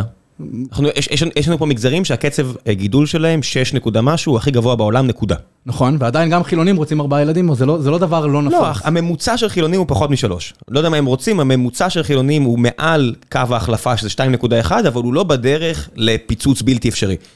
חרדים ובדואים, ערבים באופן כללי זה 3 נקודה משהו, חרדים ובדואים עם יותר מחמישה ושישה, זה קצב גידול מעריכי. זה אין שום דרך לתכנן את זה, זה בלתי אפשרי, לא, לא אכפת לי מה יגידו, זה בלתי אפשרי. אז, אז גם, אז, אז, אבל, אבל הם פה, הם, הם לא הולכים לשום מקום. הכל בסדר, לנו, יש אבל הנה, בסוף... הנה דוגמה, אם אתה כ, כרגולטור אומר, אז אני accommodate that, אין בעיה, אתה פשוט העברת את הבעיה שתהיה בלתי אפשרית כפול ארבע. דור הבא, וזהו. אבל אפשר לתכנן לצפיפות, זה לא איזה סוד גדול, אתה יודע, אם אתה... דור אחד. טוקיו היא... אתה יכול... טוקיו נפרסת על גודל בלתי אפשרי, עצום. וגרים בה יותר אוכלוסייה, היא יותר קטנה מישראל, טוקיו, ועדיין גרים בה יותר אוכלוסייה מכל ישראל ביחד. הכל בסדר, אבל, אבל הטרנד הוא פנימה, לא, זאת אומרת, הטרנד הוא לקטון, לא לגדול. מבחינת כמות האנשים ואין להם גם הגירה. כשאתה מתכנן יישוב, ויש שישה וחמישה ילדים בשני המגזרים האלה, אין שום תוכנית שתעשה שתחזיק מים עוד דור או שתיים, אין. ישראל עשתה ניסוי, מאז שהקימו אותה ניסוי כן. בבני אדם. כל העולם, אנחנו רואים לאורך כל, פה, כן. לאורך כל ההיסטוריה, הערים הלכו וגדלו, כפרים ננטשים. אתה מסתובב באירופה, מחוץ לערים הגדולות, ואתה פתאום קולט מלא כפרים בני מאות שנים, ונשארו בהם איזה שלושה אנשים מבוגרים, המטפלות שלהם, וכנסיות נטושות ונהרסות, ועכשיו יש לנו גם חוקי שימור כבדים. אנשים עוזבים את, את הכפרים האלה, כי אין שם עבודה, כי אנשים בסוף רוצים לעבור בעיר איפה שיש הזדמנויות, אתה יודע, אני מעדיף לגור במקום שיש לי אה, גם עבודה עם שכר יותר גבוה, גם קורה פה משהו, יש לי פה חיי תרבות. כן. אני לא מגיע הביתה ונשאר בבית וזהו, נגמר היום. יש כאן אנשים שאוהבים את זה, אבל המסות של האנשים, רוצות שיהיה להם עניין, רוצות אינטראקציות עם אנשים, בסוף העיר מייצרת את זה. לאורך כל ההיסטוריה, ערים הלכו וגדלו, והגענו למצב שעד לפני כמה שנים, נהיה יותר אנשים שחיים בעיר מאשר אנשים שחיים בכפר. כן, יש את אדוארד גלייזר מהרווארד עם הספר שלו. ואז המושג חיים בכפר הוא בישראל כל כך כל כך מטעה, כי... איזה כפרים? כפר ורדים זה כפר? צורן זה כפר? זה לא כפר, זה יישוב פרברי אמריקאי עם חצר בקדימה או מאחורה. ובסוף כל... הייתי בלוזית לא מזמן, לא יודע מה זה, יש יישובים עדיין שהם... אה, יש גם, אתה יודע, יש מקומות שהם חמודים, מקסימים, יש. אני מבין את החלום הזה ואני מבין את הצורך הזה, אבל כשאתה מסתכל בסוף לא על הבן אדם הבודד, אני יודע, כמו שרכב פרטי הרבה יותר נוח מאוטובוס, הוא מגיע לך מהבית עד היעד, אתה לא צריך להתראה עם אנשים, אתה לא צריך מחשש להידבק בקורונה. יש משהו בחלום הזה של לגור בבית צמוד קרקע, הוא פנטזיה, אבל אז הם מגיעים, הם עוברים ליישוב הצמוד קרקע הזה, ופתאום אתה קולט שהם... לקחת את הילדים לבוקר לגן, הם לא יכולים ללכת ברגל, אתה רואה בתל אביב הורים, או אפילו במרכזי ערים קטנים. מה זה הורים? זה חיי, כן. הורים נוסעים עם ילד על אופניים, הולכים איתו ברגל, ילד שנחשף להליכה ברגל או באוטובוס, קודם כל הוא מסתקרן הרבה יותר, הוא מתגרה הרבה יותר. כשהוא יושב באוטו, מה הוא רואה בחלון? הוא רואה פס שמיים כזה, וזה כל המצב שלו, וכל מה שהוא רואה זה את ההורה העצבני שלו בפקק. הוא בטאבלט, ידידי, הוא בטאבלט. הוא בטאבלט, וברקע הוא שומע גם את ההורים שלו מתעצבנים על הפקק. כן. את התרבות הנהיגה, זה משהו שאנחנו חווים אותו מכל מקום, בכל level. ואז אתה מסתכל על קדימה צורן, שבפנטזיה זה נחמד, וזה טוב. אבל אז כל בוקר יש להם את המלחמה היומיומית הזאת, הם צריכים להגיע לעבודה שנמצאת בנתניה, בעבודה שנמצאת בתל אביב, רוב האנשים עובדים עד עשרה קילומטר מהבית, ועדיין, אתה מסתכל, הם יוצאים מצורן, יש להם, כל היישוב הזה נבנה עם כניסה ויציאה אחת, כי אנחנו לא אוהבים כבישים, כביכול כבישים זה לא טוב, אנחנו רוצים לגור ביישוב קהילתי עם הרבה מעט כבישים, ואז אין כבישים, אז כולם מתנקזים בבוקר לאותה יציאה, שהרמזור צריך, יש לו, הרמזור יש לו שתי פונקציות, להעביר את התנועה שעוברת על הכביש הראשי, או להעביר את התנועה שיוצאת עכשיו מהשכונה. אם אתה תוציא את התנועה מהשכונה, אז תקעת את כל הכביש הראשי, ואז השכונה לא תוכל לצאת החוצה בכל מקרה. אז צריך לתת לכביש לזרום, ואז בשכונה אתה מאוד מאוד תקוע, כי כולם עם שתי מכוניות, כי אי אפשר לחיות בצורן, אין הרבה דברים לעשות חוץ מלקחת את האוטו ולצאת מצורן, כי תחבורה ציבורית מאוד מאוד קשה לספק למקום כזה, כי חסרים 5,000 נהגים, אז עכשיו אתה יכול לשאול אותך, אני אשים אותם במקום שיש בהם... אה, הרבה ביקוש לתחבורה ציבורית, או במקום שאני עכשיו אעביר עכשיו אוטובוס שייסע פעם בחצי שעה, הנהג יעשה מסלול מאוד ארוך, יביא, יסיע מעט מאוד אנשים, ופספסתי כרגע להסיע מסות של אנשים. אז אתה לא יכול לשרת את המקומות האלה בתחבורה ציבורית באמת יעילה. אז עושים... בגלל שניסו עם ויה, ניסו כל מיני דברים, שמעתי באיזה פודקאסט של צליל אברהם בחיות קישם, כל מיני ניסויים שעשו, שום דבר, יש לי חברים שאמרו שום דבר לא עובד. ראיתי שאנשים שאלו על טכנולוגיה, אם היא יכולה לפתור את אה, בעיות הערים, אנחנו, טכנולוגיה היא, היא, יש לה אה, יכולות מסוימות, אבל בסוף יש משהו בסיסי הרבה יותר שטכנולוגיה, שבסוף אנחנו רואים מה עובד הרבה מאוד שנים, אתה יודע, אתה מסתכל על ערים, אפילו ירושלים העתיקה, הרחובות שלה, הגריד רחובות שלה, הוא כבר נבנה לפני מאות שנים. בסדר? לפני... חלק מהרחובות אה, אלפיים שנה, אתה יודע. זה בעכו, בזה, אפילו אתה מסתובב בתל אביב, בעיר העתיקה של תל אביב, שאין לה באמת עיר עתיקה, אבל אתה מסתובב, עזוב, עיר חדשה, כן. יש את יפו, אבל אתה מסתובב בעיר, אבל העיר החדשה הזאת נבנתה בשנות ה-20, בשנות ה-30, לא היו מכוניות, ואתה יכול לראות איך נראית רשת רחובות בשכונות ותיקות, כמו במרכז ירושלים, באזור של אה, קינג ג'ורג' בן יהודה אה, וכאלה, או אתה מסתובב בתל אביב, במרכז העיר, בפלורנטין או בדרום העיר, במקומות שנבנו מזמן, לעומת המקומות שנבנו ברמת אביב בצפון, שפתאום ברמת אביב כל כביש יש לך מצד אחד את נמיר, מצד אחד את לוי אשכול, בשניהם, אחד מעביר את כל התנועה של כל ישראל, אחד מעביר תנועה מקומית, ושניהם כבישים של שלושה נתיבים, לכל כיוון. לא משנה איך אתה מסתכל על הרחוב הזה, הרחוב הזה אומר לאנשים, אל תלך ברגל. כן, אבל בין לבין יש לך את איינשטיין שיעביר גם רכבת עילית עוד שנייה. רכבת קלה, נכון. אמ, איינשטיין יש לו, הוא, הוא הולך להשתנות. הרכבת, הרכבת היא הזדמנות אדיר למה שקורה בכל המטרופולין. אפשר לראות את זה, אפשר, אפשר לנצל אותו ואפשר לא לנצל אותו. גם בירושלים יש מקומות שמאוד מאוד נהנים. זה מה... שהרכבת למשל היא עילית ולא תחתית, באזור הזה שאתה ציינת, בין נמיר, זה טוב או לא טוב? אני יודע שהתושבים הגישו אה, תביעה נגד זה, והם רצו שזה יהיה תחתית כדי לא לפצל את השכונה מזרח-מערב, כל מיני דברים כאלה שאני לא מבין בהם. אה. זה בכלל אפשרי לבנות רכבת בכל ים מתחת לקרקע? זאת אומרת, אני יודע שמרכז העיר עושים את זה בתל אביב. זה פשוט יותר קשה, לא- מה השיקולים בכלל? השיקולים, קודם כל, יש כמה שיקולים. כשאתה רוצה לתכנן תנועה, כשאתה מתכנן תחבורה, אתה לא מתכנן רק איך, בתפיסה, בידיעה, אתה לא רוצה רק שאנשים אה, יעברו מ-A ל-B. אלא העיר היא יותר מנקודת מעבר, אתה לא רוצה, הדברים קורים בעיר כי אנשים הלכו, במדר... כי הלכו במדרכות, פגשו אנשים, אתה יודע, אתה מכיר את זה שלפעמים אתה חוזר מהעבודה, הולך ברוטשילד, אמרת שלום לאיזה עשרה אנשים שונים, בטח. הגעת לפארק המסילה, אתה יושב ועוד איזה עשרה אנשים שונים אמרו לך שלום. בטח. אתה יכול לשנות את המסלול שלך, אה, בוא לקפה, אז אתה יכול לשנות את המסלול שלך וללכת לקפה, ואם אתה באוטו, עם עצמך, אתה הולך מא' לב', אתה הולך מ-A ל-B ואתה לא רואה אף אחד סביבך, יש לך יד, גם לשנות את היד עכשיו, זה אומר עכשיו להתחיל לעשות עיקופים, להיכנס אולי לפקקים, אתה צריך להגיע מהר, מהר, מהר, הרכב הוא, הוא כלי שטוב למרחקים ארוכים, אבל אנחנו תכננו את כל הרחובות שלנו, שגם למרחקים קצרים אנחנו ניקח את הכלי המאוד מאוד לא יעיל הזה עכשיו. דמיין את עצמך הולך עם חישוק של עשרה מטר רבוע סביבך. בסדר, כל מקום שאתה הולך, יש ממך עשרה מטר, אתה רוצה לפנות, אתה צריך להסתובב עם כל העשרה מטר שלך, או אתה צריך לעשות את זה גם בהליכה, ויש מסך עוד אנשים כאלה, אז הכביש הוא מאוד מאוד מסודר, יש לך נתיב, יש לך חניה, צריך לסדר את הדבר הזה, כי אנשים לא רואים אחד את השני. במדרכה אתה יכול לשים הרבה מאוד אנשים על הרבה פחות שטח, ואף אחד לא ייתקע באף אחד אחר, ולא רק שלא ייתקעו, גם יקרו דברים שלא יכולים לקרות כשאתה באוטו. אתה יודע, כשאתה הולך באוטו, אתה הולך לחנות שלך, אתה הולך לסופר הגדול שלך, אתה הולך לקניון, אתה לא תעבור בעוד דברים ותראה עוד דברים, או תחווה עוד מקומות, ואתה... בסוף אנחנו הולכים בחו"ל, אנחנו הולכים עשרה קילומטר ביום ברגל, 15 קילומטר ביום ברגל. אני פה עושה את זה, אבל מה אפשר לעשות, אבל פה מתוכנן עוד יחסית, כמה שמדברים על תל אביב, המצב פה עוד יחסית טוב, בחזרה אני מחזיר אותך לקדימה צורן, שוהם, כל מיני מקומות כאלה. מה אפשר לעשות שם? זאת אומרת, היישוב נמצא, הכביש הראשי נמצא, מה עכשיו אפשר לעשות? מה האפשרויות שלנו בכלל? גם בערים קטנות, דווקא אתה יכול- הפוטנציאל להליכתיות, להליכה ברגל, הוא הרבה הרבה יותר גבוה, כי רוב האנשים, אנחנו מסתכלים על סקרי סלולר, עוד לפני הקורונה עשו ב-2019 סקר סלולרי. מה, שמודד- כאילו האיכון, האיכונים? איכון שמודד אותך, הוא מפספס, קודם כל יש לסקר הזה הרבה מאוד יתרונות, אבל הוא מפספס את המרחק בשביל לשמור על פרטיות, ובגלל האנטנות אמרו, אנחנו יודעים לנטר כל מי שהולך מקילומטר וחצי והלאה. לכל מקום שהוא הולך. זאת אומרת, אם עכשיו אני אה, נמצא בתל אביב והגעתי לחיפה, הטלפון דגם אותי באנטנה בתל אביב, דגם אותי באנטנה בחיפה, אני יודע עכשיו שאני, ש, שבן אדם עשה את המסלול הזה. איך הוא עשה זה כרגע לא השאלה, הסקר יודע להגיד איפה אנשים הלכו. וכשאתה מסתכל, והוא מפספס את כל המרחקים הקצרים שאנשים שהולכים לבית ספר, את כל האנשים שהולכים ברגל, כי פחות מקילומטר וחצי, הוא מפספס אותם, אז יש הטיה לטובת המספרים הגדולים, ועדיין אתה רואה שרק ש-70% מהאנשים רוצים להגיע 10 קילומטר מהבית. זה הכל. הם עובדים, מי שגר בגבעת, מפתח תקווה עד, אה, עד השלום, זה 10 קילומטר או פחות. כן, ברור שיש פה גם את הנושא של, אדם, אם אני עכשיו אה, כמנוי לאוהד הפועל באר שבע, אני רוצה לקחת את הילד לראות בטדי, אז ברור שזה משהו אחר, אתה מדבר על היום, נפריד את היום-יום לעומת אה, פנאי.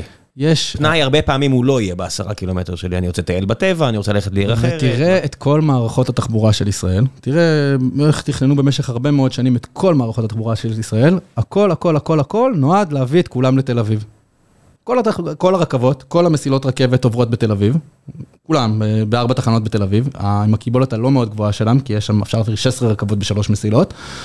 אז הכל עובר לשם, כל התחבורה, המטרו מגיע כולו לאזור מרכז תל אביב. אין, מה שאתה, מי שלא מבין, אין רכבת שעוברת בין באר שבע לירושלים בלי לעבור דרך אה, לוד נגיד. היום בונים את המסילה המזרחית, שמה שהיא תעשה, היא תיקח קצת, היא תאפשר לעשות בתחבורה או בכל דבר, יש רשת, אתה יודע, יש לאנשים אופציות. אם עכשיו, אם אתה עושה, אה, לא יודע, אה, חשמל, ואתה בסוף, אה, אה, כל החשמל עובר בצינור אחד וכזה, ו- והוא נקרע, כל החשמל קורס, אבל אם תפזר אותו ברשת, אז יכול אחד לקרוס, אבל יש לכם חלופה אחרת. בארץ, אם עכשיו תל אביב עם איילון מוצף, אם, אה, לא יודע, קרתה מלחמה, יש בולען באיילון, אז כל מערכת התחבורה של ישראל משותקת, כולה כולה משותקת, כי אין חלופה היום, ל, אה, אה, המדינה אמרה לכולם, כולם רוצים להגיע לתל אביב, אז בנו להם מחלפים, מחלפי ענק, שלוקחים אותם מהיישובים הפרבריים שנמצאים בהם, מקדימה צורן, ולקחו את, את הוד השרון, רעננה, כפר סבא, בנו להם מחלף כדי שיקחו מהר, את, יגיעו לתל אביב מהר, למרות שחלקם בכלל עובדים בפתח תקווה, חלקם עובדים בכפר סבא, חלקם גרים ביישוב, הרבה אתה, אנשים עובדים, יש מורות שגרות ביישובים בדרך כלל, אה, יש הרבה אנשים אה, שמסתובבים, הורים לילדים, אה, בתי ספר, אנשים הולכים בתוך העיר שלהם, אבל תכננו את הכל, הכל, הכל, כולם רוצים להגיע לתל אביב, אבל פספסנו שוב, כי למה? כי יש תפיסה הרבה פעמים של מתכננים, הם רואים את מה שהם הם חווים, הם חושבים שכל העולם חי כמו שהם חווים אותו. ואז הם לוקחים את עצמם, אומרים, אה, כולם צריכים להגיע לתל אביב, יש שם את המגדלי תעסוקה, אז בואו נביא, ואז זה גם מזין את עצמו, מגדלי תל אביב, תל אביב היא באמת גוועת בקצב מטורף, אבל מה קורה בפתח תקווה? פתח תקווה היא לא עיר עם ביקושים קטנים, פתח תקווה גרים 200 אלף תושבים, ויש בה 200 אלף מועסקים. זה מספרים יחסית של תל אביב, 400 אלף תושבים, 400 אלף מועסקים. מספרים יחסית זהים, אבל פתח תקווה יש קו אדום שלוקח לתל אביב. יש אה, אה, מחלפים שלוקחים לתל אביב בכביש 471, יש מחלפים, כביש 4, הכל הכל לוקח את האנשים, במקום לתת להם את האפשרות, אם, אם, אם אנחנו לא נתכנן לאנשים לתל אביב, אם תסתכל על תחנות הרכבת, מה הן נועדות לעשות? תבוא מהיישוב הפרברי שלך, תכנה את האוטו שלך, כי אין לך איך להגיע בתחבורה ציבורית, כי אני לא יכול לתת לך תחבורה ציבורית ליישוב הקטן שאתה גר בו. תגיע לרכבת באוטו, וקח את הרכבת לאזור תעסוקה שנמצא במקום אחר. מה היה קורה אם עכשיו במקום מחלף רעננה הגדול, זה בנו שם תחנת רכבת, הולכים לבנות שם שתי תחנות מטרו של שני קווי מטרו שונים, בכפר סבא וברעננה. ובמקום שיהיה מחלף, הייתי בונה שם משהו כמו בצומת השלום, במקום המחלף בונה מגדלים. בסדר? בונה תעסוקה. זה... העירוב שימושים, בסופו של דבר, זה לא רק הכבישים, אלא היעדים. אתה צריך לגרום לכך שיהיה אלטרנטיבה מבחינת היעד. אם, אם כל היעד של כולם הוא תל אביב, אתה בבעיה. לא יעזור כלום, אתה רק יכול לדחות את הבעיה, לגלגל את הכדור. אבל גם, אבל, אבל, אבל זו תפיסה שהיא מוטעת, זו תפיסה שהיא בעייתית, כי אם אני לוקח ומסתכל, אם אני מסתכל על תחנות רכבת, תחנות רכבת בכל העולם הן הזדמנות, אתה יכול לראות בפן סטיישן, אתה יכול לראות בתחנה מרכזית בהולנד, אתה יכול לראות את תחנות הרכבת בפריז. היינו עכשיו ברומא, זה נראה יותר טוב מאשר כל מרכז מסחרי אחר. אתה ש... מסתובב ברכבת, ומסביב לרכבת מתפתחה, מתפתח חיים, מתפתחים חיים, זה לא אם יש תעסוקה, אנשים רוצים, לה... אה, כבר יש פה רכבת, אז בואו נקים את המשרד, כי אנשים רוצים להגיע בנוחות לעבודה שלהם, אז אם יש פה רכבת, בואו ננצל אותה. ומה עשו ברכבות בישראל במשך הרבה מאוד שנים? לקחו את כל הרכבות האלה שמגיעות לתל אביב, בנו אותם במקומות שהם מחוץ לעיר, בנו אותם במקומות שהם נמצאים באיזה איפה שיהיה נוח ולא יפריע יותר מדי לנהגים. ואז אמרו לאנשים, תבואו עם האוטו שלכם, תחנו אותו וסעו. במקום שהרכבת הזאת, תחשוב, אתה מסתכל אפילו על מפה של ניו יורק, בסדר? על, על הרשת אה, מטרו, אתה יכול לראות, אם בהתחלה כל העיר התפתחה באמת במרכז, במנהטן, אתה יכול לראות היום איפה יש מוקדי פיתוח, מסביב למטרו שהולך לברוקלין, מסביב למטרו שהולך לקווין, אתה יכול לראות כיסים של מגדלים, כיסים של תעסוקה. כי הרכבת אמרה, זו הזדמנות. אנחנו לקחנו את כל ההזדמנות הזאת ואמרנו, אה, אחלה הזדמנות, אבל בואו תקחו את ההזדמנות לתל אביב. אני למשל גר ליד uh, שרת התחבורה, והיה שם איזו תקופה שאנשים uh, הפגינו, אז לא הבנתי מה הם רוצים, אז הראתי לראות מה הם רוצים, צעקו משהו לגבי התחנה המרכזית. מה אפשר לעשות סביב התועבה הזו? התחנה המרכזית, זה סיפור. זה... הנה הזדמנות נגיד, אמרתי, אין בדרך כלל מה לעשות, כי כבר בנוי, אבל הנה יש פה משהו. שכולם מסכימים שהוא נורא ואיום, זה, זה מקוד, מוקד לפשע ו, וכל הדברים הכי גרועים שיש, וזיהום אוויר, והרסו את הערך של הבניינים מסביב. נניח ועכשיו הורסים ובונים אחר, מה אפשר לעשות? מה האפשרויות? Hey, חבר'ה, לפני שנחזור לפרק הזה, אני רוצה לספר לכם שהפרק הוא בחסות ביטוח הנסיעות לחו"ל של הפניקס סמארט. נוסעים לחו"ל עם האפליקציה החדשנית מבית פניקס סמארט טראבל. ועכשיו, בחזרה לפרק, מקווה שאתם נהנים. תחנה מרכזית, בסדר? בואו קודם כל, בכל העולם, תחנות מרכזיות, זה משהו שמביא בדרך כלל שימושים שהם שימושי קצה. אפילו בהולנד, התחנה המרכזית, יש שם את החלונות האדומים, האזור שבו נמצאים הדברים הפחות אטרקטיביים, שקורים בדרך כלל בשימושי קצה כאלה שיש תחנות מרכזיות. מה זה שימושי קצה? שימושי קצה זה כל הדברים האלה שאתה בדרך כלל לא רוצה אותם במרכז העיר. שימוש קצה זה שם מכובס לדברים רעים? זה שם להומלסים, לזנות, לסמים, ל... מה? איך זה הגיע לביטוי הזה במשתמשי קצה? אני סתם... אה, אתה המצאת את זה? לא, כן, זה לא רלוונטי, סתם... חשבתי שזה מונח מקצועי, שלא הבנתי למה. אני משתדל להימנע גם ממינוחים מקצועיים, כי בסוף, אתה יודע, אנשים לא תמיד מבינים את מה שאנחנו אומרים.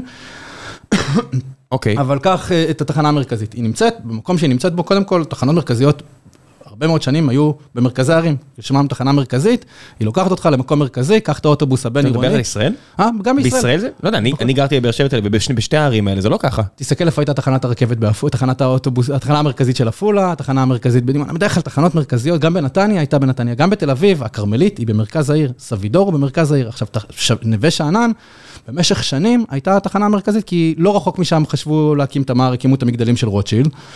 צריך מבנה לתחנה מרכזית, יש יתרון בלרכז את התחבורה הבין-עירונית, שלא תעבור ותטעה לך בכל העיר, שתלך למקוד מרכזי, וקח ממנו אוטובוס עירוני ותמשיך את היד שלך. זה מקובל, זאת אומרת, זה הגיוני. זה תפיסה הגיונית. אתה סבידור ותחנה מרכזית, הם שניהם מסופי אוטובוס מאוד מאוד מאוד מאוד גדולים.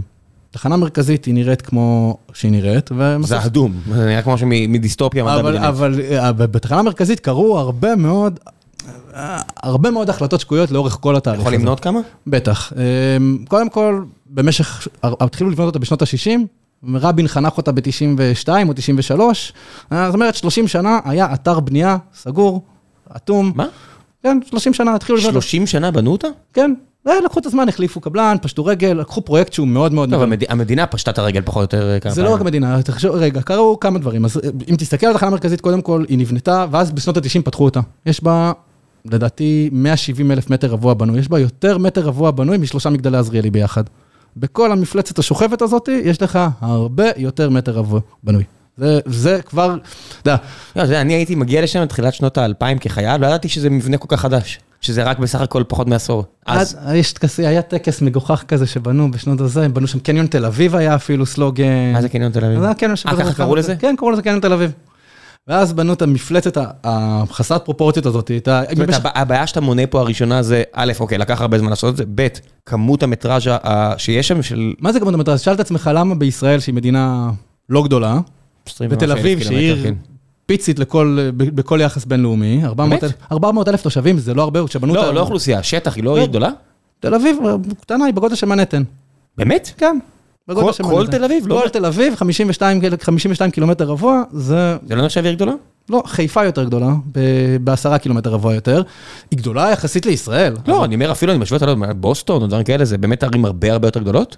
אני יודע שלא יודע מה, ברלין או יוסטון באמת פי עשר. שוב, אבל אה, אה, להסתכל על תל אביב כעיר קטנה זה מצחיק, כי יש לך את בני ברק, יש לך את גבעתיים, יש לך את בת ים, יש לך את רמת גן, בכל העולם הם התאחדו לרובעים בניו יורק, יש לך מנהטן, ברוקלין, כן, לונדון היא רבתי.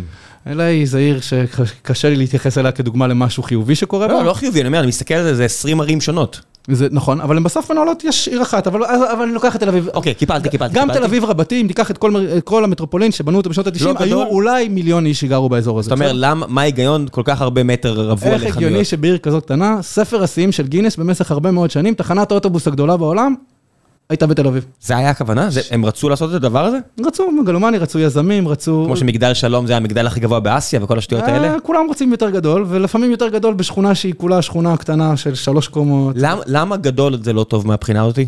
כי... כי זה לא הגיוני? קודם כל צריך לשאול את עצמך מה הפונקציה של המבנה הזה. זה, זה נועד להיות מגדל, זה נועד להיות אזור תעסוקה, זה נועד להיות תחנת אוטובוסים, זה נועד להיות קניון, זה נועד להיות... מה, זה, מה, מה, זה, מה התפקיד של המבנה הזה בתוך הרשת? לא אני מסתכל נגיד דיזנגוף סנטר, שגם בנו, זה גם מבנה לא קטן, והיום יש שם ג'ימבורי, אתה יודע, אני כהורה, אני יודע שיש לי שם כל מיני דברים אה, לילד, חדר הדיזנגוף סנ- כושר, בריכה, אני יודע. אני לא חסיד של קניונים, אבל איכשהו אתה מסתכל על דיזנגוף סנטר. הוא לא מרגיש לי קניון. הוא לא מרגיש קניון, כי הוא קודם כל הוא פונה לרחוב, הוא, הוא מזמין אותך מהרחוב. יש קולנוע. כל החנויות פתוחות לרחוב, הוא לא עצר, יותר מזה, הוא לא רק עצר, הוא לא, הוא לא נבנה והשתלט על ה grid, אתה יודע, אני מסתכל על, במפה מלמעלה על נווה שאנן, היא נראית כמו מנורה, כמו חנוכיה, ופתאום יש את התחנה המרכזית וקוטעת חצי מהקנים שלה.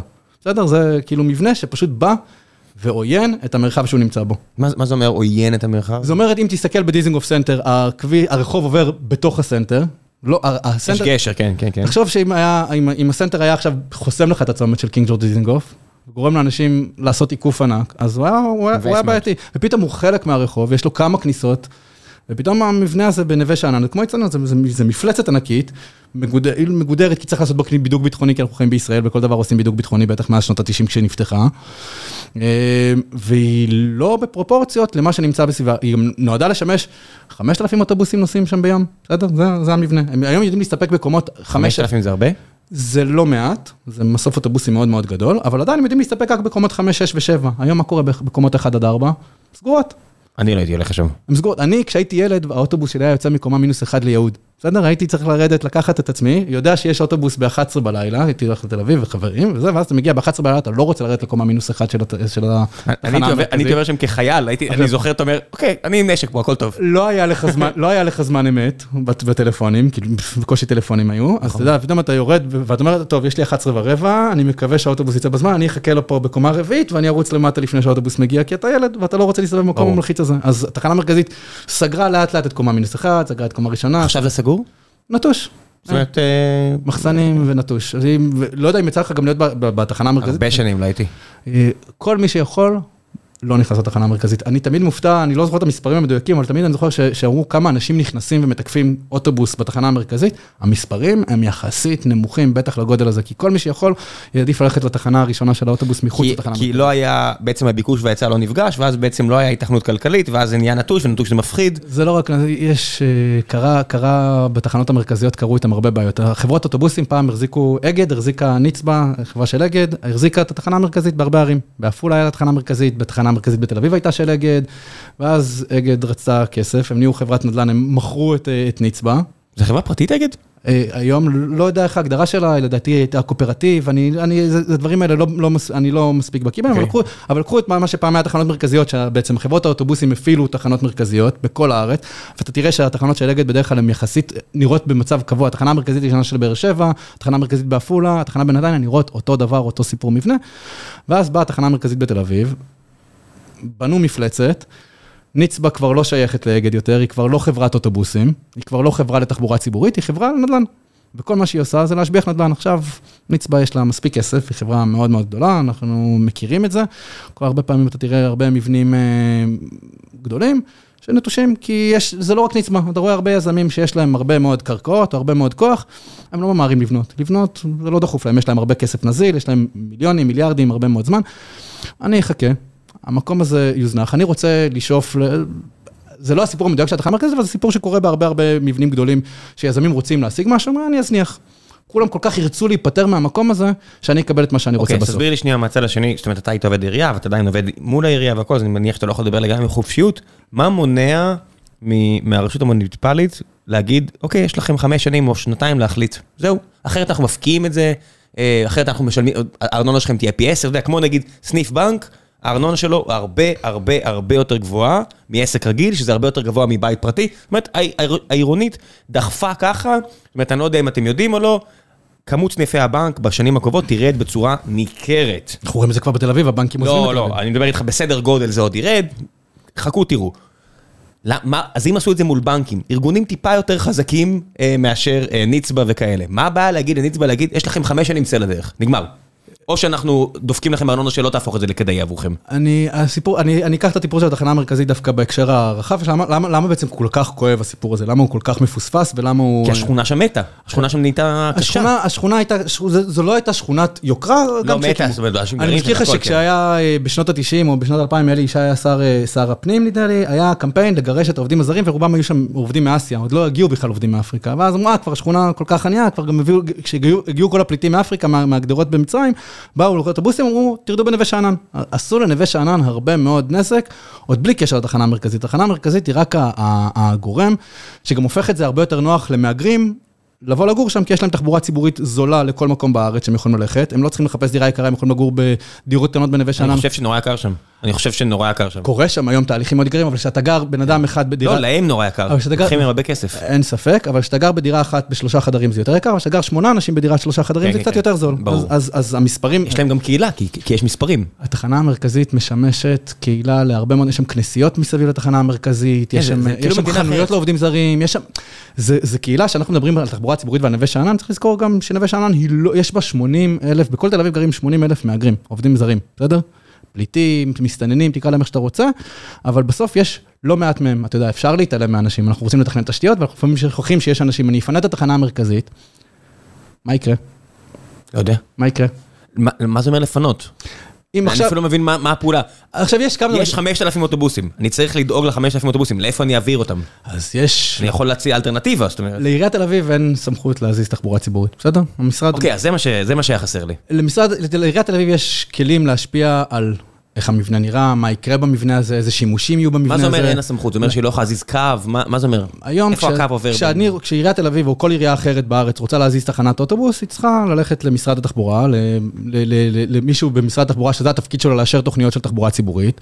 עכשיו, להזיז 5,000 אוטובוסים זה לא להזיז... רגע, רגע, רגע, מה? פתיחת סוגריים קטנה, אם אני רוצה לבטל תחנה, אני צריך לבקש אישור? אתה לא, קודם כל, כן, כי אין לך סמכות להזיז את הקו. לעירייה אין סמכות, הקו לא באחריות משרד, באחריות הרשויות המקומיות, הקווי אוטובוס הם באחריות משרד התחבורה. אז אם אני רוצה לבטל כביש, אני עכשיו אומר, פה אין כביש יותר. מעכשיו זה רק הולכי רגל. הנה, עשינו את זה באלנבי, אתה היום... סבבה, אבל האוטובוס לא יכול עכשיו לעבור שם, אז אני צריך לבקש אישור בשביל זה? בטח, ככל רחוב שעובר בתחבורה ציבורית, אתה צריך, יש לך, בשביל להשקיע בכלל, לאשר תוכניות תנועה בארץ, אתה אומר בטח כאילו זה הגיוני. לאשר תוכניות תנועה בארץ, צריך, יש הרבה מאוד גורמים שמעורבים בכל תוכנית. בגלל זה גם אנחנו רואים הרבה פעמים שהרבה מאוד פשרות, כי הרבה מאוד אנשים התערבו וכל אחד מנסה לשמור על עצמו. המשטרה אומרת, אה, זה לא בטיחותי, אז אני לא מאשרת. משרד התחבורה אומר, לא, עכשיו האוטובוס צריך לעשות סיבוב, אני לא מאשר. העירייה אומרת, יש הרבה מאוד מאוד לחצים שמופעלים מכל כך הרבה מקומות, של... הדברים האלה לוקחים, צריך מישהו עם הרבה מאוד... אז אני צריך בולדוזרים במגזר הציבורי שיודעים להזיז דברים, אתה יודע, בסוף קורים דברים, אי אפשר להתעלם, המדינה עושה פרויקטים. משוגעים, הרשויות מקומיות עושות דברים מטורפים, אתה יכול לראות... צריך- לדאוג למדינה שגדלה בקצב משוגע. אנחנו כבר עשרה מיליון אנשים, נהיה פה תכף חמישה אז עשר. לפעמים מרגיש לך שכולם עדיין אוהבים את השכונה שיש פה, אבל בעשרה מיליון אנשים זה לא כמו שכונה, ואנחנו עדיין אוהבים להתנהל כמו שכונה. אז עכשיו, לא רק שכונה, אבל זו שכונה שמתנהלת בצורה מאוד מאוד... רגע, אז- אז. לתל אביב- לתל אביב אין סמכות לשנות קווים, אין סמכות לשנות קווים. זה תקוע בין. תל אביב למשרד התחבורה? זה הקטע? זה לא תקוע בין תל אביב למשרד התחבורה, בסוף יש, זה בעיקר תקוע במשרד התחבורה, בסדר? אני אה, אגיד את זה בצורה עדינה, אבל בסוף מי שיכול להזיז, יש... מה האינטרס שלהם בכלל? זה לא לא בוער. זה לא רק אינטרס, יש, זה, אה, אנחנו מדברים על מערכות מאוד, אתה עובד מגזר ציבורי, אתה עובד עם מערכות מאוד מאוד מאוד מאוד גדולות, ולהזיז תחנה מרכזית זה לא רק להזיז מבנה, זה להזיז אוטובוסים, זה להתחיל לחשוב איפה האוטובוסים עוצרים, זה לשנות רחובות שלמים וחתכי רחוב שלמים, זה גם להבין איפה אתה שם את האוטובוסים, אני יכול לזרוק אותם במקום שאף אחד לא רוצה להגיע. היתרון של תחנה מרכזית,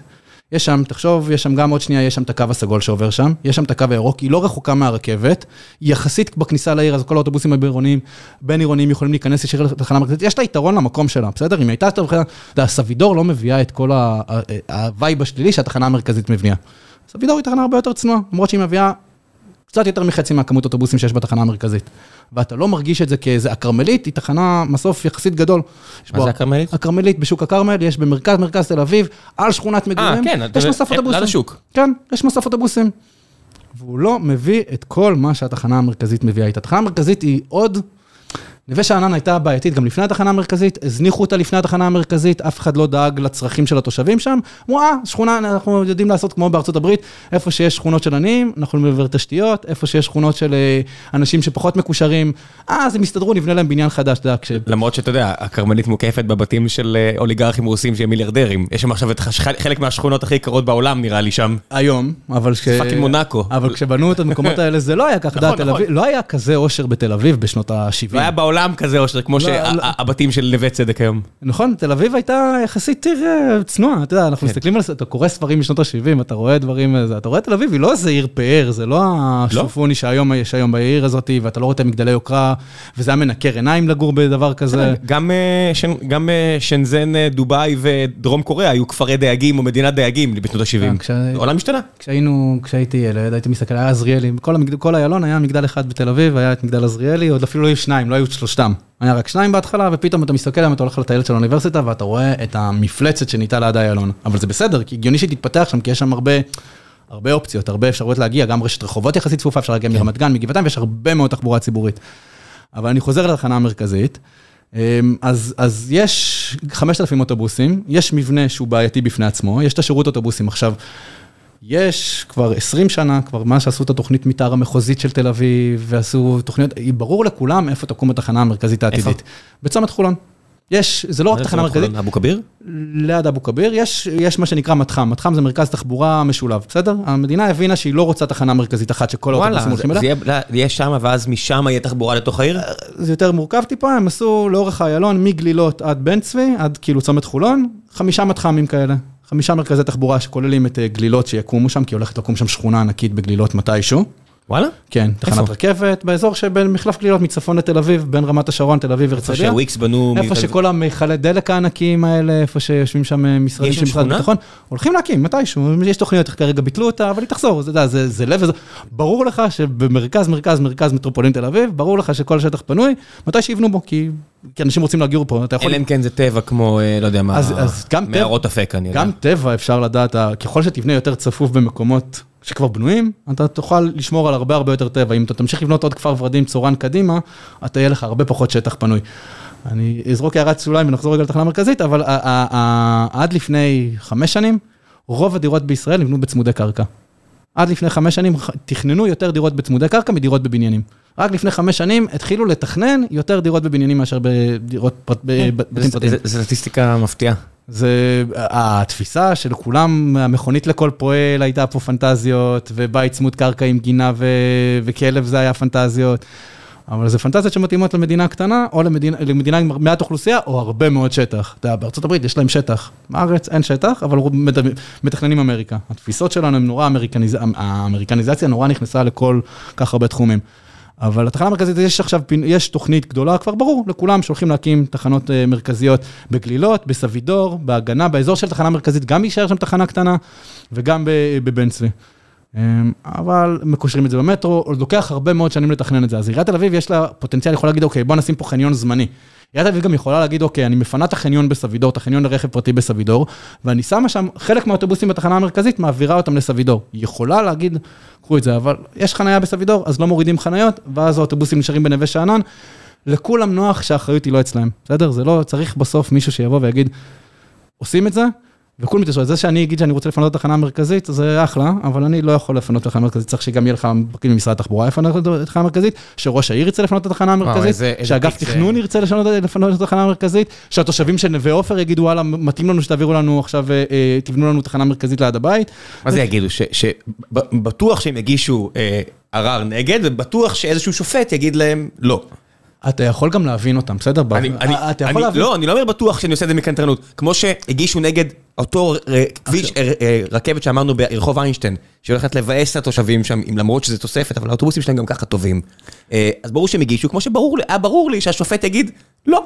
אבל אתה יכול לשאול את עצמך למה התחנה המרכזית נתפסת כל כך כדבר נורא? ואנשים רואים, שאומרים, "אה, אתה מביא להם את התחנה המרכזית, הם חושבים שהם הולכים לקבל את כל, ה- ה- ה- את כל האירוע שבא עם התחנה. הזונות והסמים, בוא. נכון, הם בטוחים שהולכים לקבל את זה, אבל מה, אם אתה מתכנן את המבנה הזה בלי מבנה גדול, אתה עושה מסוף אוטובוסים. תחנת שיש בה ממשק למטרו, יש בה ממשק לרכבת ישראל שיש בצומת חולון, אז אתה לא יוצר, אתה יוצר שם הזדמנויות, ולא בהכרח... גם אה, צריך להגיד את האמת ש... 30 שנה מהיום, סביר מאוד להניח שהאוטובוסים יהיו, האלה יהיו חשמליים, נכון. שקטים, נקיים, וזה יהיה ממש נחמד. פשוט 30 שנה מהיום, אני כבר אהיה קרוב למותי, אה, אז אלא אם כן אני נחמד וחושב על הילדים, אה, אני בעיקר חושב על זה שאני לא רוצה את הרעש, אז אתה יודע, ככה זה. אנחנו בני אדם, אנחנו רואים אה, את החוויה הסובייקטיבית שלנו. המצחיק הוא שתחבורה חשמלית, אוטובוסים חשמליים נכנסים בעיקר במקומות שהם לא בתל אביב, כי יותר קל. יש דבר כזה אוטובוס חשמלי כבר בארץ? יש גם בתל אביב, יש איזה... מה? יש 28 כאלה קווים וואו. כבר שנים. אבל בשביל לשים חניון לאוטובוסים שיודע לק- לקבל חשמל, הרי בגלל שעשו בא מהשכונה פה, אז כל אחד היה, איפה בנו תחנה? איפה שהאוטובוסים סיים את הקו, מגרש חניה פנוי, יאללה בוא נהפוך אותו למסוף. אבל כשאתה עושה על שכונה, אתה לא יכול לשים, אין לך זכויות בנייה לבנות את החדרי טרנספורמציה, או את החדרי חשמל, אין לך זה, ואז כשאתה רוצה לחשמל, בתוך תל אביב הקרקע נורא יקרה, באזור של מטרופולין תל אביב, לא רק תל אביב העיר, אתה מסתובב בגבעתיים, מסתובב בחולון, הקרקע מאוד מאוד יקרה. ועכשיו להסדיר מסוף אוטובוסים, אתה אומר לעצמך, אני מבזבז קרקע יקרה על מושג שתשימו אותו מחוץ לעיר. אנשים לא מבינים שאוטובוס צריך להיות קרוב לנוסעים ולא. בשוליים. גם תחבורה ציבורית, גם רכבת צריכה להיות קרובה לנוסעים, לא, ל... לא לחניה. אנשים רוצים להגיע לתחבורה ציבורית, הם צריכים שהיא תהיה ליד הבית שלהם. בואו אה, נעשה קצת שאלות מן הקהל, כי יש מלא, ואני לא רוצה אה, למנוע מאנשים את האפשרות. אם אתם רוצים להשאיר, אני בדרך כלל מפרסם בטוויטר, או בפורום החיים עצמם של גיקונומי, בפייסבוק. אה, אמיר שואל, יש עתיד במדינת ישראל עם הבנייה של שכונות חדשות שלא ניתן לייצר בהן תחבורה ציבורית נורמלית, לאן זה הולך? אז זה מחזיר, מה בכל זאת האפשרויות, בהינתן זה שכבר נבנה. זאת אומרת, אני- אמקד את השאלה, בדרום ישראל, שהם מתווכחים על כן יישובים חדשים, לא יישובים חדשים, אני חושב שהבעיות הן הרבה, הבעיות הן פשוט שונות לגמרי. אני מדבר על המקומות שיש יותר צפיפות וכן. אנחנו דרום מדברים, וצפון כמובן. אנחנו מדברים על ערים בסוף, בסדר? כן. אנחנו יכולים, אנחנו יכולים להמשיך לפנטז על, אה, על בתי צמודי קרקע לכל ישראל, אבל זה לא יכול לקרות, אנחנו צריכים לדבר על ערים. ואתה יכול לראות שהרבה תוכניות, התפיסות משתנות, ואנשים, אתה יכול לראות היום כל מיני תוכניות אה, בינוי שמקודמות בלוד, ואתה יכול לראות תוכניות שמקודמות אפילו בפריפריה, אתה יכול לראות בח- בחיפה. אתה תראה תוכניות שהן בחלקן ברמה מאוד מאוד גבוהה ומאפשרות הזדמנויות כאלה, כמו שאנחנו מכירים פה ממרכז תל אביב או ממרכזי ערים גדולות. ויש עדיין הרבה תוכניות שבסוף מה שמכתיב אותם זה צריך הרבה חנייה וצריך מי- מינימום לה- להשקעה. אתה יודע, בסוף המרחב הציבורי בישראל יש מחסור באסתטיקה. מחסור מאוד מאוד חמור באסתטיקה. אתה מסתובב כן, בעיר... אנחנו לא אירופה. אה? אנחנו לא אירופה. אז, אז, אז, אז, אז מצד אחד חסר פה אסתטיקה, מצד שני אנחנו כל כך מתכננים עבור, אה, עבור הרכב הפרטי ולא עבור אנשים, שגם השכונות שלנו הן שכונות שנועדו להזרים תנועה ולא, ולא לייצר הזדמנויות לאנשים. אז זה משתנה, אתה יכול לראות תוכניות קצת יותר טובות בהרבה מקומות, אתה יכול לראות עדיין רשויות שלא יודעות לשים לה את הגבול ליזמים ולהגיד להם לא, אנחנו רוצים תכנון אחר, זה בסוף מאוד מאוד משפיע. אה, אבל יש עתיד, אתה רואה משתנים, אה, אתה רואה, גם מתכננים היום הרבה יותר מבינים, וגם ככל שהציבור מתעורר יותר והציבור יותר מעורב בדברים האלה, אז אתה יודע, הציבור לא יודע לדרוש, הוא יודע לדרוש, אמרו לו, תדרוש בית בקרקע. אבל עכשיו הוא מבין, רגע, אני רוצה סביבה יותר טובה, אני רוצה שיהיה לי הזדמנות, אני רוצה שיהיה לי כיף בחוץ, מחוץ לבית, אני רוצה שהילדים שלי יוכלו ללכת ברגל מחוץ לבית. בהולנד, הילדים הכי מאושרים בעולם בכל הסקרים האלה שעושים, כי יש להם מלא מרחב, בתוך העיר. בתוך העיר אתה תלך עם הילד שלך, אה, רגע מכונית יוצאת מהחניון, אה, רגע קורקינט נוסע על המדרכה, אה, רגע יש פה דוכן פיס, אין שלך מקום לרוץ. כן, ברור שזה לא כזה שטוח, בגלל שיש לנו, אה, אני עובד עם חבר'ה מכל העולם, אז אני חשוף לבעיות של כל העולם. אז הרבה פעמים ששומעים בארץ, אנחנו בטוחים שאנחנו המקום הכי גרוע והכל. נגיד, הח- החבר'ה שלנו שבהולנד, אמרו לי שהם לא יכולים להיות פה, כי הם לא רואים איך הם יקנו נכס, כי טוב שם, כן. יש את הנפט, אז נהיה גם יקר מאוד, כן. והם עכשיו עוברים לספרד, כי ספרד מספיק טובה, אבל הרבה יותר זולה. זה מצחיק, כל אחד רואה את אתה ה... יודע, היא תל- אביב או ישראל רוצה הרבה מאוד תיירות, ואז פתאום אתה מסתכל על ברצלונה, כמו ברצלונה. יש לי יותר מדי תיירים, לא תרחיקו תיירים, תיירים זה נורא. אז גם כשאנחנו אומרים ברצלונה לא רוצה תיירים, מי שמוכר דברים או מתפרנס מתיירים לא רוצה. מי שגר בעיר הזאת והוא לא יכול ללכת יותר שם כי יש כל כך, או רומא, אתה לא יכול ללכת מרוב שיש תיירים. הרבה פעמים, הם לא רוצים. אני יכול להבין את זה, אתה יכול, תמיד צריך להבין, עיר היא דבר שמשתנה כל הזמן. כל דבר, זה כמו שאומרים פה, אה, צריך להוריד את מחירי הדיור. קרוב ל-67 או 68 אחוז מהאנשים יש להם נכס. נכון? יש אנשים שהם משקיעים. נחשו מה? אין להם עבור כל אינטרס האנשים- להוריד. הם לא, עזוב, הם לא רוצים. אז כשאנחנו אומרים, אנחנו רוצים להוריד את מחירי הדיור, נחשו מה? אתם שרוצים להוריד מחירי הדיור, זה מעט מאוד אנשים יחסית לכל האוכלוסייה, בגלל זה גם זה, אף אחד לא בוער לו. אבל אם, עם ה- אבל אם המתכננים או, כן. או מקבלי ההחלטות, מה אם, אם, הפוליטיקאים היו גרים בדירה שכורה, והיו בדיוק. מבינים את הקושי, אתה יודע, בדיוק. ב- בסדרה אה, שעשו הנבחרות, אמרו, אולי נשים לא צריכות לקדם נושאים של נשים, אבל אם נשים לא יקדמו נושאים של נשים, אז לא יקרו שינויים עבור נשים. כן, אני ממליץ על הסדרה אותי רק כדי לראות מישהו כמו גנדי ואיך הוא דיבר בכנסת, רק כדי שתבינו מה זה אומר האנשים שמסתכלים עליהם פה, אתה יודע, היום. אז שלי יחימוביץ' זיקקה את זה שבסוף רק נשים דואגות לנשים, לחוקים נשים. אז אם עכשיו יהיה לנו מקבלי החלטות שהם סוחרי דירות וגרים בבית משותף ויודעים שלתחזק בניין זה לא פשוט כמו לתחזק בית פרטי כי צריך לריב עם שכנים, ואם הם נוסעים בתחבורה ציבורית ויודעים שהיא לא עובדת טוב, אז הם ידרשו שינויים, אבל ברגע, כל עוד הם, כל עוד מי שמקבל את ההחלטות הוא בשכבה מסוימת, הוא מתכנן עבורו. ושם הבעיה, אתה יכול לראות את זה בדוגמה קטנה בתל אביב, כשהמתכננים התחילו לרכב באופניים, שבילי האופניים בתל אביב הלכו והשתפרו משמעותית. כשהם התחילו לנסוע בקו האדום, אולי גם התחבורה הציבורית תתחיל להשתנות בצורה הרבה יותר טובה. בוא נעשה עוד קצת שאלות מן הקהל. אה, לא דוקטור זיו, אה, אתה יודע, כל המשתמשי טוויטר האלה, מבחינת שמות. אה, מעבר לעובדה שתחנות אוטובוס קיימות לצורכי פרסום, האם ישנו מבנה של תחנות איפשהו בעולם שבאמת יכול להתמודד עם שמש חזקה, ונדליזם, גשם, רוח, ועדיין יכול להיות כזו שלא תסתיר לנהג את מי בפנים ולמי שבפנים את האוטובוסים שבאופק. סככה של אוטובוס עושה צל, אבל זה לא נחשב צל. מה שעושה צל הכי טוב זה עצים. תחכה לאוטובוס מתחת לעץ, יהיה לך יותר נעים מאשר לשבת בחממה שהתחממה כל היום בשמש, והיא מוצלת, כי היא עדיין חמה. אז אין פטנט, הפטנט הכי טוב זה לגרום לזה שהאוטובוסים יהיו בתדירות הרבה יותר גבוהה, שלא תצטרך להמתין בתחנה יותר משתי דקות. יש רחובות בתל אביב, באבן גבירול, יש רחובות בירושלים, בהרצל, אתה יכול להסתובב שם ויש לך כל שתי דקות אוטובוס, אז אם יש סככה או אין סככה, לא נורא. אם תחכה הרבה, אז כבר הסככה היא הרבה יותר משמעותית. איך עושים אותה, מדרכות בארץ הן צרות, אז אם תשים מבנה גדול, אז לא נשארת מדרכה, אנחנו לא יודעים לפנות מקום הכביש, אז שבילי האופניים פתאום נתקעים בתחנות אוטובוס. צריך להתייחס, התחנת האוטובוס היא, היא עוד חלק בשרשרת של תחבורה ציבורית יעילה ונוחה, כאילו... כן. טל ריפה שואל, האם אפשר כבר להכריז על חריש ככישלון, או שיש סיכוי להציל את הדבר הזה? לא הייתי בחריש פיזית. לא הייתי בחריש פיזית, אבל הייתי בערים שדומות לחריש, הייתי במודיעין, הייתי ב... אתה רואה, כשבנו את מודיעין, אני, אז בנו אותה עבור הרכב הפרטי, עבור הפנטזיה הישראלית הזאת, קח את החניות, ותכננו רחובות מאוד רחבים, ואף אחד לא הולך בה ברגל. אז חריש היום נבנתה בסימפטומים של אז, אבל עם תפיסה של היום, ומבינים את זה שאנשים מחפשים בסוף בתוך העיר שלהם לא מחפשים את תל אביב, הם מחפשים את הקהילה, הם מחפשים את המקום, אתה תמיד יכול להסתכל בדה מרקר, הם עושים את השכונה בשבוע, מה אתה אוהב בשכונה, מה אתה לא אוהב בשכונה, וזה עקבי באופן קבוע. אני אוהב שיש לי קהילה, אני אוהב שיש לי אה, אה, מקום שאני יכול לקחת את הילדים שלי, שאין לי פקקים בבוקר, שיש לי תחבורה ציבורית טובה, מה אתה לא אוהב בשכונה? השכונה טובה, אבל יש לי פקק כל בוקר ביציאה, ולקחת את הילדים לבית ספר זה סיוט. אז כאילו, הדברים האלה הם קבועים. אז אם אתה... כן. חריש נבנתה בתפיסות של שנות ה-90, היא תוכננה בשנות ה-90, היא תוכננה כזה באג'נדות של רכב ייקח אותנו, יפתור לנו את כל הבעיות. ו... כן, זה פשוט כל כך, אה, אנחנו לוקחים את זה כמובן מאליו שזה ככה, ולא יודע, זה פתיר בהרבה מאוד אה, מאמצים ורצון, כן. ובעיקר שאנשים... זה לא רק נוחות, זה בסוף, אתה יודע, זה, זה, זה, זה יותר מסוכן. זה ו... להסתכל על הרחוב לא רק כמעביר תנועה, זה להסתכל על הרחוב בעוד, אה, אם, אם אתה מסתכל, המטרה שלו זה להעביר אלף איש, או לגרום לאלף איש להיפגש. זה, זה התפיסה, וכשהמתכננים כן. יבינו את זה, הרכב יהיה לו מקום. אבל הוא לא השתלט על הכל. כן, לי לי יש אה, חבר, הוא היה אה, חבר מהצוות בצבא שנהרג, אה, מורה בתיכון, מורה בבית ספר, יצא מהאוטו ומישהי פשוט שיחקה בטלפון ורצחה אותו ליד הבן שלו.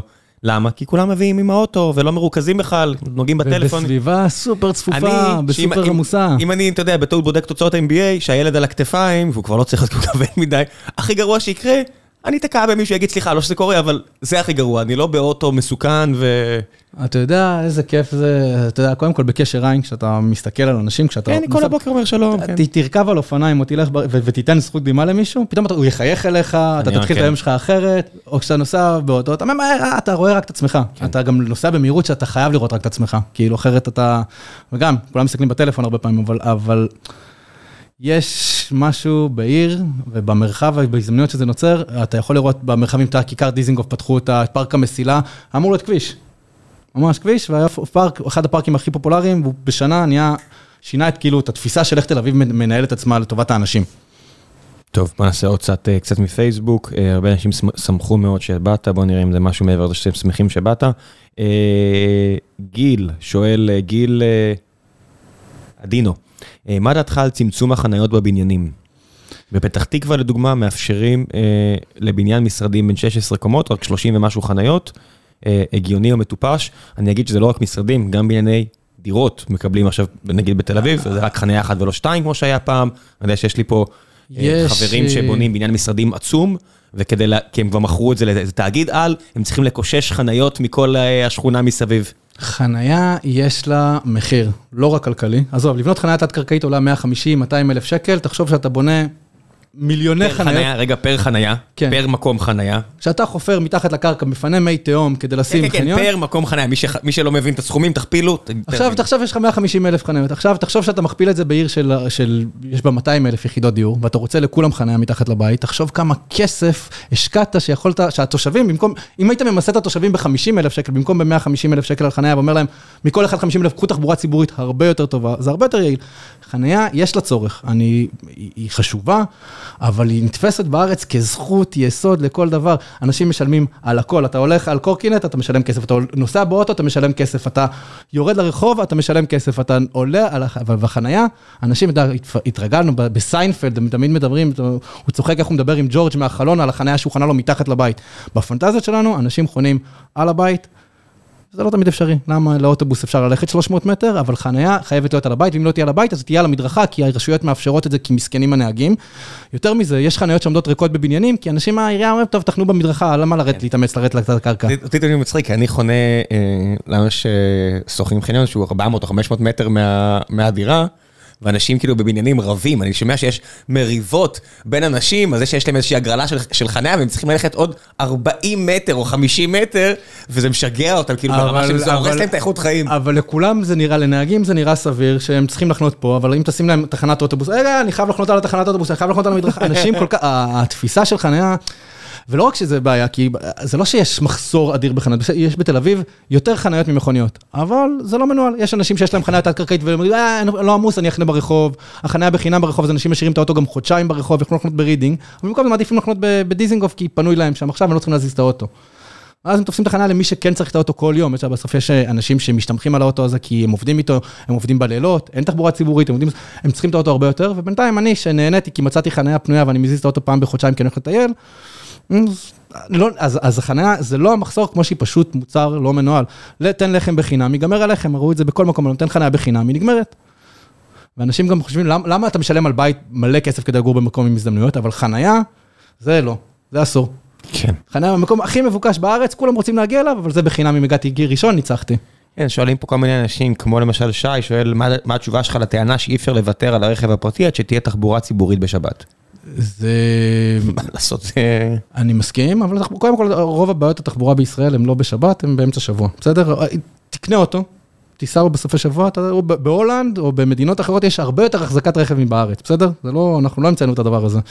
ועדיין, כי יש פה מס נורא גבוה על אוטו, האוטו פה נורא יקר. אני אתן את הדוגמה של בני ברק. בני ברק, אף אחד לא נוסע בשבת. אף אחד, אף אחד לא נוסע בשבת, זאת אומרת שבשביל... הרוב המוחלט, יש שם... כן, אבל בשביל, אבל אה, כן, המסות. שלא- שלא ייפלו עליך אחרי זה עם כן, ה- עם אבל. כמסות, אני מדבר כן, כן, כעיר, בסדר, כן. לא על היוצא מן הכלל, אבל כשאני מדבר על העיר של בני ברק, שאף אחד לא נוסע בה בשבת, ובסוף, אה, ועדיין באמצע שבוע, כשכולם משתמשים בתחבורה ציבורית, לאנשים בבני ברק אין רכבים, יש שם אחוז החזקת רכב יחסית נמוך לשאר ישראל, כי עוני, כי זה יקר, כי גם לך תחזיק עכשיו משפחה של שמונה אנשים עם אוטו אחד, זה לא עובד. זה, אז, אז יש משהו בתפיסה, גם היא הרבה יותר קומפקטית, הכל נורא קרוב, כי אנשים הולכים בשבתות, רוצים קרוב, כי הם צריכים ללכת ברגל, ואז, ועדיין, בשביל לשפר את התחבורה הציבורית בבני ברק, צריך לקחת חניות מהרחוב, לשים נתיב תחבורה ציבורית, או להפקיע נתיב אחד לרכב כדי לשים נתיב תחבורה ציבורית, ועדיין זה לא קורה, כי אין, תחבורה, כי, כי אנשים משתמשים בתירוץ אין תחבורה ציבורית בשבת, אבל הנה עיר שלמה שלא נוסעת בתחבורה ציבורית בשבת, ולא דואגים לשפר את התחבורה הציבורית במהלך היום, למרות שכולם בבני ברק, אחוז השימוש הגבוה בארץ בתחבורה ציבורית, אחוז החזקת הרכב הנמוך בארץ בתחבורה ציבורית, ואין נתיב תחבורה ציבורית אחד. לא קיים. כן, אז בסוף זה תמיד חוזר לבדיחה של לואי סי-קיי באחד המופעים שלו, שהוא אומר, אנחנו רוצים שיהיה לנו הכי נוח, ו- ועכשיו אתה שהוא אומר, אם אתה נוסע בנתיב, ואתה חייב לפנות, אז אתה תחתוך עכשיו שישה נתיבים, במקום לעשות את זה ברמזור הבא, למה? כי זה לא נוח לי, ולא רק אבל- שזה לא נוח, גם אני אתעכב עכשיו בעשר דקות. אין לי נתיב תחבורה ציבורית בכל מקום, אין לי שביל אופניים בכל מקום, אבל רכב נוסע בכל רחוב, פונה בכל מקום וחונה בכל מקום. עכשיו, יותר מזה, תחבורה ציבורית בשבת בחיים לא תענה על הצרכים של האוכלוסייה. אנחנו לא, כל כך בפיגור בתחבורה ציבורית, שאנחנו צריכים לתת לאנשים, אנחנו לא מצליחים לספק להם את ה basic של לזוז מא' לב' ביום יום. אתה רוצה עכשיו גם להכניס אנשים שרוצים ללכת לטייל, אני חושב שצריך תחבורה ציבורית בשבת. אם הייתה לי רכבת שיכולה לקחת אותי לבנימינה ויאספו אותי מבנימינה לזיכרון לארוחת ערב, חסך לי מלא מלא מהטררם של להשכיר רכב או לקחת... אז טיילנו בפארק רבין יום שבת, שם ליד הרי ירושלים, ומשם המשכתי לטדי למשחק, אמרתי, היה לי כיף, באמת, אני מודה שהיה לי כיף התחבורה, הלכתי אחרי זה לאיבוד עם האוטו, ואז אמרתי, עשיתי כזה קצת off-road, מזלי האוטו שרד את זה, והיה לי כיף לנסוע עם הילד, ואחרי זה למשחק, אמרתי, אם היה תחבורה, אני לא יודע איזה תחבורה ציבורית בכלל, תיאורטית, יכולה הייתה להחליף את החוויה הזו. ברור לי שזה פינוק, ברור לי שזה פריבילגיה, אבל ככה זה. אבל גם בשבת אנשים, הדפוסי ניידות הם שונים. לא היה בעיה, לא היה שם שום פקק, הכל זרם, חניתי ליד האצטדיון, לא היה שום, הכל טוב. אבל תסתכל, אבל סתם תסתכל על חוויה, האצטדיונים. יחסית, יחסית. תסתכל על החוויה של האצטדיון. הלכתי איזה קילומטר, כן. תסתכל על החוויה של החוויה באצטדיון בחיפה. היא מוקפת חניה. היא מזעזעת. כמי שהיה שם בסמי עופר או בקריית אליעזר, 25 פעם לפחות, כל פעם אני מתחלחל מהמחשבה שעכשיו אני אהיה שעה, שעה, 60 דקות. רק ברמזור ביציאה מהחניה. מהאצטדיון, 60 דקות. אני אשב שם אחרי שהפסדנו ואני אכעס ואני, למה באתי? 60 דקות. תראה עכשיו בתל אביב את אצטדיון בלומפילד. קח אותו, יש בו... הולכת להיות שם תחנת רכבת מרגשת. יש שם מאוד מאוד חניות, הקו האדום ישדרג את זה משמעותית, אבל גם בגלל שאין הרבה חניות, אז אנשים חונים מפוזר, כי יש באזור של פלורנטין, יש באזור של יפו, יש חניה, אז אנשים חונים יותר מפוזר, אז הם יכולים לצאת בפחות עומס, הם לא יכולים קצת ללכת ברגל מהחניה, אבל בחיפה אמרו להם, כולכם תיכנסו לתוך החניון הזה ותברחו משם, המטרה של המשטרה לפנות מהר מהר מהר את החניון כדי להחזיר את השגרה. כי יש שם אנשים, אם אתה מתכנן לרכב, הכל קורס, כאילו מחזיק איזו תחושה. של מחנק, וזו תחושה שאתה מפספס המון הזדמנויות. תראה ב... סימנתי לך עוד כמה דברים נשאר, הכל טוב. אז רק תראה לדוגמה בברצלונה, האיצטדיון, אנשים, יש בו בתי קפה בדרך, אנשים יוצאים מהמשחק ושותים בירה אחרי המשחק, או אוכלים ארוחת ערב לפני המשחק, בחיפה מה הם יכולים לעשות? מה הם יכולים לעשות לפני המשחק? לשבת בדוכן הקניקיות שיש באיצטדיון? אז זה היה בגלל ששום דבר לא קרוב לחיפה. יש אבל זה לא קרוב, חבר הפוד, אחת הפיצות הטובות בעולם, שם, פשוט זה לא קרוב, שום דבר לא קרוב. תבנה מסביב במקום החניות שיש שם ומלא מגרשי חניה, גם השכונת מגורים שבנויה שם היא שכונה שמוקפת בחניה. תבנה במקום זה, תבנה שם בית מלון, או זול, אפילו אנשים יכולים לבוא למשחק ואז לא צריכים לנסוע בלילה, תבנה שם עוד בית ספר, תבנה בית ספר. לא במלון, אבל... אבל תבנה בית ספר לספורט, תבנה בתי ספר לספורט, תבנה משחק. תעשה הפנינג לפני למשפחות. יהיה יותר נעים, כשאתה בא מהרכבת בחיפה והולך ברגל וחוצה את הערימות כבישים האלה כדי להגיע לאיצטדיון, ברור שאתה תרצה לבוא באוטו, ברור, זה אפילו לא שאלה בכלל. אני לא רוצה, אין לי אלטרנטיבה. נכון. אין לי אלטרנטיבה. אבל האלטרנטיבה היא נבנית במחיר שצריך קצת להקריב מהרכב הפרטי, כדי לבנות למסות של אנשים, אתה לא יכול לתכנן עבור מישהו שנוסע בעשרה מטר רבוע לבד. זה פשוט לא יעיל מספיק במדינה כזאת. עמיחי שואל, ראיתי שב-2021 וב-2022 מספר היתרי הבנייה זינק בזינוק חד שלא קרה פה לפחות עשר שנים. המקור שלו זה הלמ"ס, הגרף הישר, הוא צירף גרף, אז אני מסתכל עליו, לא כולל עדיין את כל 2022, אבל זה בהחלט נראה כמו זינוק.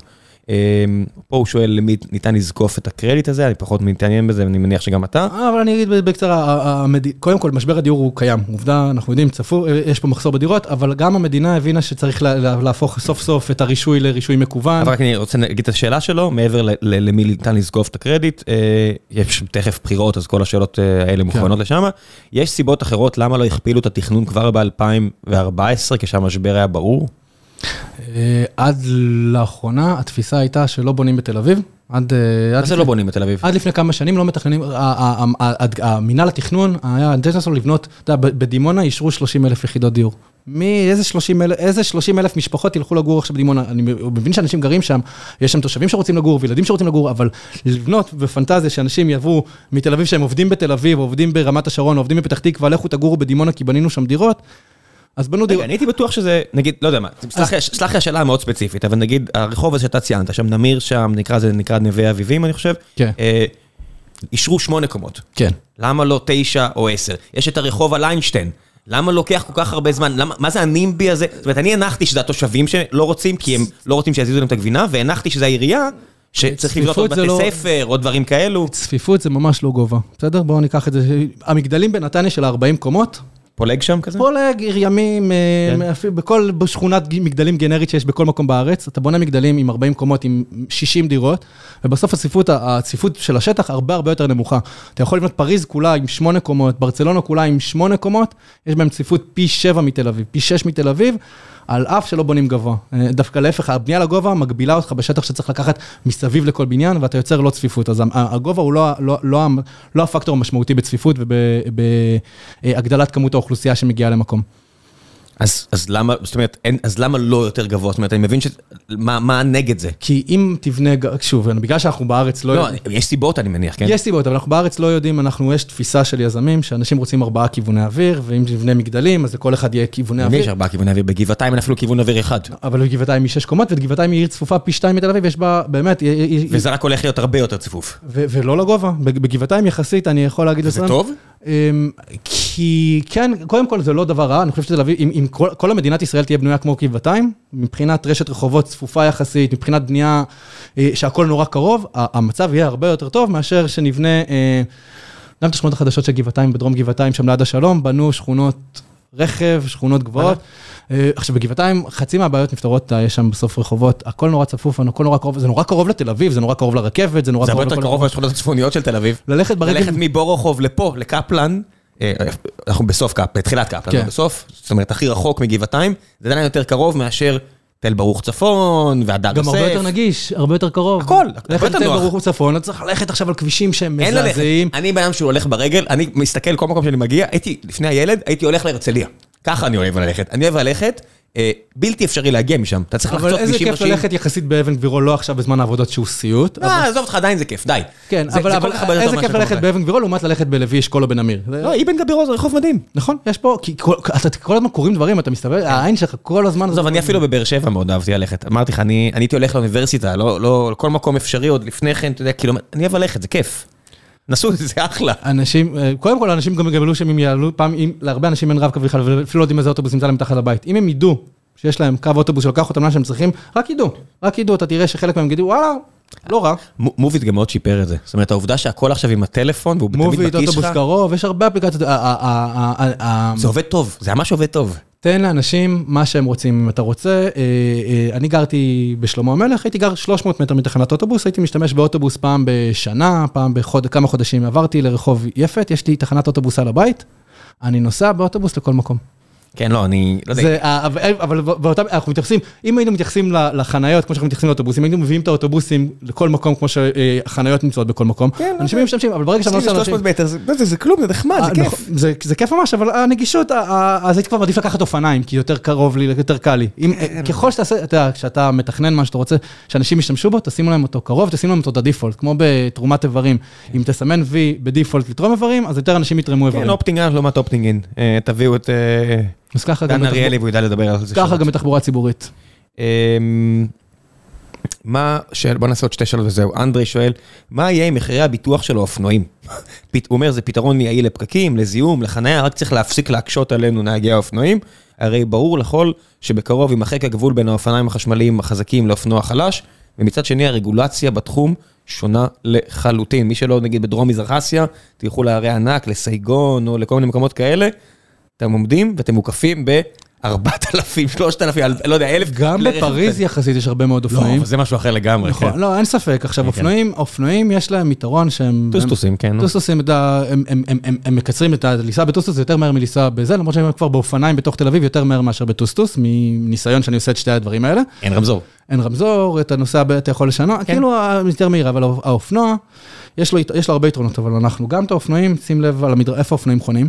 כי חניה, אין חניות לאופנועים על רחוב, אז הם כולם חונים על המדרכות, האופנועים הופכים להיות מפגע, השליח- עכשיו עם השליחים של וולט, הם הולכים עם האופנוע עד הדלת של החנות. אני, אני, יש, אני, יש לי כנראה נטיות אלימות, לא יודע, אולי זה שאריות מהצבא, כל מה שאני רואה אופנוע, נוסע על המדרכה, ואני עם הילד, בא לי פשוט להרים אותו מהאופנוע, ולה, ולהניח אותו בצורה פחות אה, נחמדה, זה, זה פשוט יכול להטריף אותי, לראות אופנוע נוסע על המדרכה. אתה- אתה- אני, זה מטריף אותי. אתה בריא, אתה יש לך שתי רגליים מתפקדות, כן. תחשוב מה קורה עכשיו שאתה הורה עם עגלה, או שאתה אה, כן, כן. נכה על כיסא גלגלים, והמדרכות שלנו נראות כמו אופנועים, ואם אין אופנועים אז יש אופניים, ואם אין אופניים יש דוכן של הפיס, ואם אין דוכן של הפיס יש ארון חשמל. יש אין- אוטו. אז יש פחי זבל, בסוף יש אוטו. ובסוף יש אוטו, ואז הרשויות מישהו אומרות, חנה על המדרכה. תסתפקו במטר שלושים שמגיע לכם, למרות שהרחוב... אין אפילו מטר שלושים בהרבה מקומות, נכון. אין, כי האוטו נכנס. נכון. מישהו חנה על המדרכה. יאיר לפיד פעם, אה, יש איזה סיפור כזה שהוא לקח איזה דיפלומט, היה לפני שהוא ראש ממשלה, לפני שהוא פוליטיקאי, והוא תראה לו, אני חונה על המדרכה בעיר הזאת. והתלהב מזה. וזה, וזה אבסורד, אבל זה, אבל המדרכות, ההולכי רגל, הרוב, בגלל שאנחנו מתכננים, אנשים בריאים, קשה לנו לדמיין את הבן אדם שהולך גם לא. לא, היה לי ילד עם עגלה, לא מזמן, אתה יודע, אז לפני כמה שנים. ופתאום אתה שם לב למדרכות שלא שמת לב. שאתה בתור הולך רגל עצמאי וחזק, אז אתה פחות שם לב כן. לאתגרים היומיומיים שהמדרכות האלה מעשות, והאופנועים, אם לא נשמור עליהם במקום שלהם בכביש, הם ישתלטו ויגיעו למדרכות, כי זה קורה. אז גם אופנועים זה ברכה, אבל צריך כמו אופניים חשמליים, אם לא מנהלים את זה, זה מנהל אותנו ועושה הרבה נזק. אסף לחוביץ', נעשה עוד שאלה אחרונה. אה, למ, איך לדעתך אפשר לתמרץ ראשי ערים לשנות, או ראשות ערים לשנות אה, חשיבה ולגרום להם לתעדף תחבורה ציבורית בעיר, בעיר שלהם, אם הנושא נחשב ללא פופולרי? אמ, בכמה דרכים. אחד, לפנות ולבקש ולהציף. אה, כשמשנים רמזור לנהגים או מבטלים פנייה, נהגים יודעים לאגד את כל ועד ההורים, לאגד את כל ההורים שלהם, אבל כשאנחנו רוצים שביל אופניים או תכתיב תחבורה ציבורית, אנחנו יודעים לכתוב על זה בפייסבוק, להגיד, וואלה, תנו לי, לא נתנו, לא נורא, עשו נת"צ חדש, עשיתי לייק וסיימתי. אבל אנשים לא מבינים את הכוח של לפנות לעירייה, לפנות, אתה, הם, חברי מועצה מקבלים אה, סיורים מכל נהג שחסמו לו רחוב, קוראים להם סיורים. אני לא רואה משתמשי תחבורה ציבורית באופן תדיר מקבלים קשב אה, אצל מקבלי ההחלטות, וצריך להתאגד גם בהולנד, השינוי קרה כי תושבים רצו שינוי. גם בארץ, בתל אביב, אתה רואה, אנשים מבקשים את השינויים האלה והם קורים. יש פורום אופניים בירושלים שעושה מהפכות, נלחם על כל שביל ושביל אופניים בירושלים, אבל צריך שהתושבים ידרשו, כי פוליטיקאים יודעים לתכנן את מה שהם מכירים מהבית שלהם. אם לא נדרוש מהם, הם לא ידעו לעשות את זה. הם ימשיכו לעשות מה שהם מכירים. אוקיי, יש חלק אחרון בפרק, המלצות, כל מה שבא לך להמליץ עליו, ספרים, סרטים. שני אה, דברים, אני אמליץ. הבלוג שלך, מן הסתם, שאני אשים עליו לינק. יש את הבלוג של הלאסט מייל, כמובן, שבו אני כותב גם את כל התובנות שלי על ערים ואיך אה, ערים אה, מתפקדות ויכולות לתפקד קצת יותר טוב אה, עבור כל האנשים, גם לנהגים וגם להולכי הרגל וגם לתחבורה ציבורית. אני אמליץ על הערוץ יוטיוב הנפלא של אה, איליה קוגן, עיר לחיות בה, שהוא לקח את... אה, מעולה. הוא לקח את אה, Not Just Bike, הערוץ ההולנדי, שעושה, מנגיש סרטים על עירוניות, והוא עושה עבודה מצוינת בלגרום לאנשים... אה, הוא עומד שם עם סטופר, מראה כמה זמן עובר, כל מיני דברים כאלה. הוא לוקח לאנשים שלא מהתחום ויודע להגיד להם, תראו מה לא עובד, וכשאתם תראו מה לא עובד, אתם גם תדעו לבקש אחרת, והערוץ הזה, הוא עושה עבודה מצוינת, יש לו כבר מעל 5,000 עוקבים, והוא מנגיש עירוניות ומנגיש הליכתיות ומנגיש את המידע, שאנחנו אנשים שמתעסקים איתו בצורה מאוד מאוד קוהרנטית, מאוד ברורה, וכולם צריכים לראות את הערוץ הזה. אה, וההמלצה השנייה שלי היא ספר שנקרא אה, Soft City. נדמה לי של דיוויד סים, אני לא סגור על השם שלו, של, הסוף, של מי שכתב את זה. זה ספר שאם המתכננים, האדריכלים וכל מי שמתעסק בתכנון יקרא את הספר הזה, אולי נקבל תפיסת עולם וערים טיפה יותר ידידותיות. הוא ספר שמדבר איך אפשר לייצר צפיפות קבועה, אה, בעיר שהיא נעימה לאנשים. צפיפות קבועה? גבוהה, גבוהה. אה, גבוהה, אוקיי. איך יוצרים עיר צפופה ולא, ולא חונקת, איך יוצרים עיר צפופה, אבל שאנשים יודעים ללכת בה, איך עושים כניסות לבניינים, איך נראה רחוב, איך מתייחסים לרחוב, מתייחסים לפרטי מול הציבורי בעיר גדולה, כי אתה רוצה בעיר גדולה גם רחובות סואנים, אתה רוצה גם פרטיות. אז הספר הזה אה, יודע, לדעתי, הלוואי שכל מי שמתעסק בתכנון, יקרא את הספר הזה ויגיד, וואלה, לקחתי מפה איזה רעיון, הספר הוא מלא באימג'ים, הוא מלא בתמונות. כמו שצריך להכריח כל מי שמתעסק בחינוך לראות העונה הרביעית של הסמויה, אתה אומר... אה, זה ספר שבאמת, אני חושב שהוא יפתח את הראש בתפיסה של, אנחנו חושבים צפיפות מגדלים, ואפשר לעשות צפיפות בצורה נעימה. אפשר לעשות צפיפות כמו באירופה. עם חזית מסחרית מקדימה רועשת, ומלא דירות עורפיות נעימות עם נוף ו- וגינה נעימה מאחורה לילדים, מרחבים בלי רכב. אפשר לעשות את הכל, וגם, אבל זה, הספר הזה פשוט נותן את זה בצורה מאוד מאוד יפה, בתמונות והדמיות, בעיקר מקופנהגן, אבל יש לנו הרבה הרבה מה ללמוד מהם. כן, זה בעיה שאתה משווה למדינה הכי טובה בעולם.